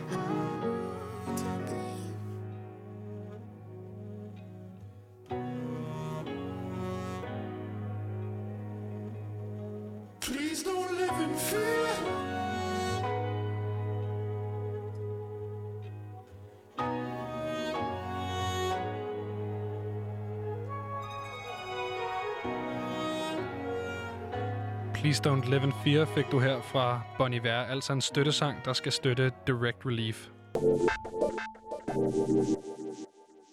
Vi har øh, allerede vendt øh, et dødsfald her i dag på frekvens, øh, men vi skal desværre til at vende et til dødsfald, og nok måske også et, som har ramt os begge to lidt mere end, øh, end, end den kære Millie Small. Det er nemlig øh, en af kraftværkmedstifterne, øh, Florian Schneider, som er, er død her i dag. Øhm, nyheden kom ud klokken lidt i seks, at øh, han altså øh, blev 73 år og er død af kraft. Øhm, ja, hvad er dit forhold til kraftværk, Mikkel? Jamen, øh, det er sådan kommet øh, flere omgange, ikke? for man kan sige, de var jo, øh, de var dannet tilbage i 70'erne. Det var også helt sindssygt. Øh, I 80'erne, der har de nogle plader, som er, er store, også kommercielt, hvor jeg sådan, hmm, er ikke, ikke helt der. Men så finder jeg ud af, at Kraftværk har, har inspireret rigtig meget hiphop, og specielt tidlig hiphop. Ja. Og så vender jeg ligesom tilbage til dem, og så har jeg haft fornøjelsen faktisk også af at øh, arbejde med dem, i forbindelse med, at jeg arbejdede på et pladsenskab, som udgav øh, Kraftværk, øh, og har også mødt dem øh, i forbindelse med, at de spillede to koncerter øh, i København, øh, i KB-hallen, og der bliver jeg bare nødt til at sige, der bliver jeg simpelthen, altså, det er svært at sige, at man bliver kæmpe fan på en aften, men jeg var simpelthen så blæst væk af deres, etis, altså deres etiske måde, eller sådan Æstetisk, øh, æstetiske øh, ja. måde, ja, og deres, og deres design, og deres lyd, og deres lys, det var bare så sindssygt flot. Kæmpe, Meget, meget gennemført, kæmpe, ikke? kæmpe oplevelse. Ja, jeg har aldrig oplevet dem live, men jeg har, jeg har gravet musikken, og som du selv siger, så er det jo også et kæmpe hip-hop sample øh,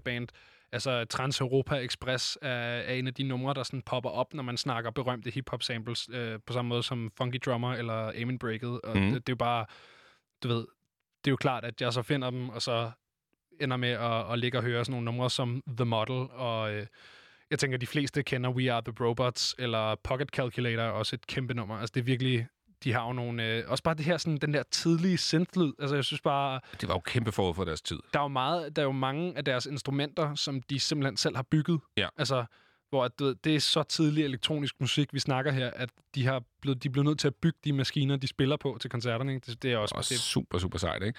Øh, og man kan også se nu her til aften, at der er rigtig mange musikere, som er ude og, og hylde øh, ham, og selvfølgelig også øh, Kraftwerk. Jeg noterede mig blandt andet øh, Two Track fra Mel the Coin.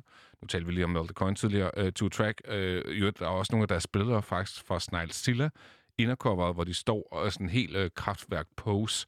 Øhm, så de er også øh, ja, tydeligvis inspireret. Two Minute DJ så jeg også var ude, og et hele taget, igen, det er jo også sådan et, et, et band, som, som var meget sådan musikernes øh, musikere, ikke? Altså Ja. sådan lod sig inspirere af det her band, og det der med, at de har bygget deres egne instrumenter for at skabe en lyd, som ingen andre havde, og sådan noget, det er jo også det, er mega jo, det kan jo ikke vække andet end respekt. Og det er jo faktisk også øh, sådan, at nyheden kommer ud. Det er jo en, øh, en, en musiker og en, en ven af, af Florian Schneider, øh, altså øh, Robert Girl, som han hedder, som har, øh, har, har skrevet på sin Facebook, oh nein, Florian Schneider har en gute rejse. Det synes jeg også er en sød måde at sende sine venner sted på det der. Han, han en god rejse, ikke? Jo. Øhm, ja. God sidste rejse, vel? Ja.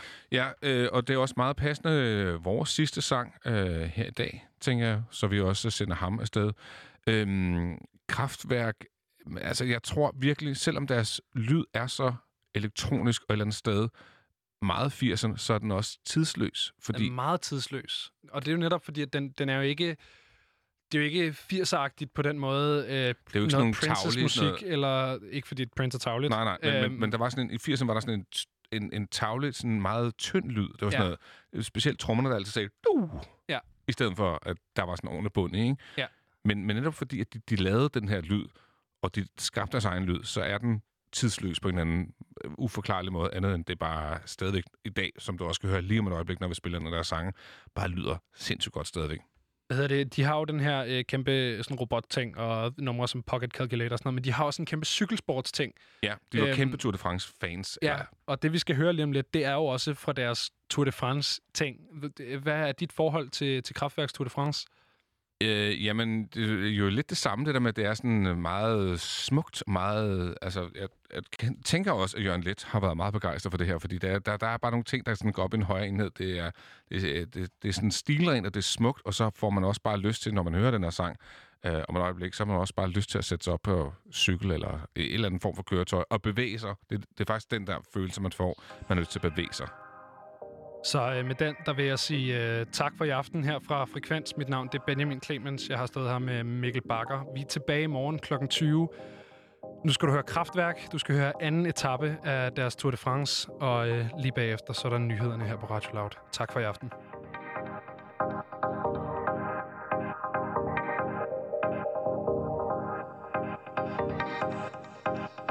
Tour de France.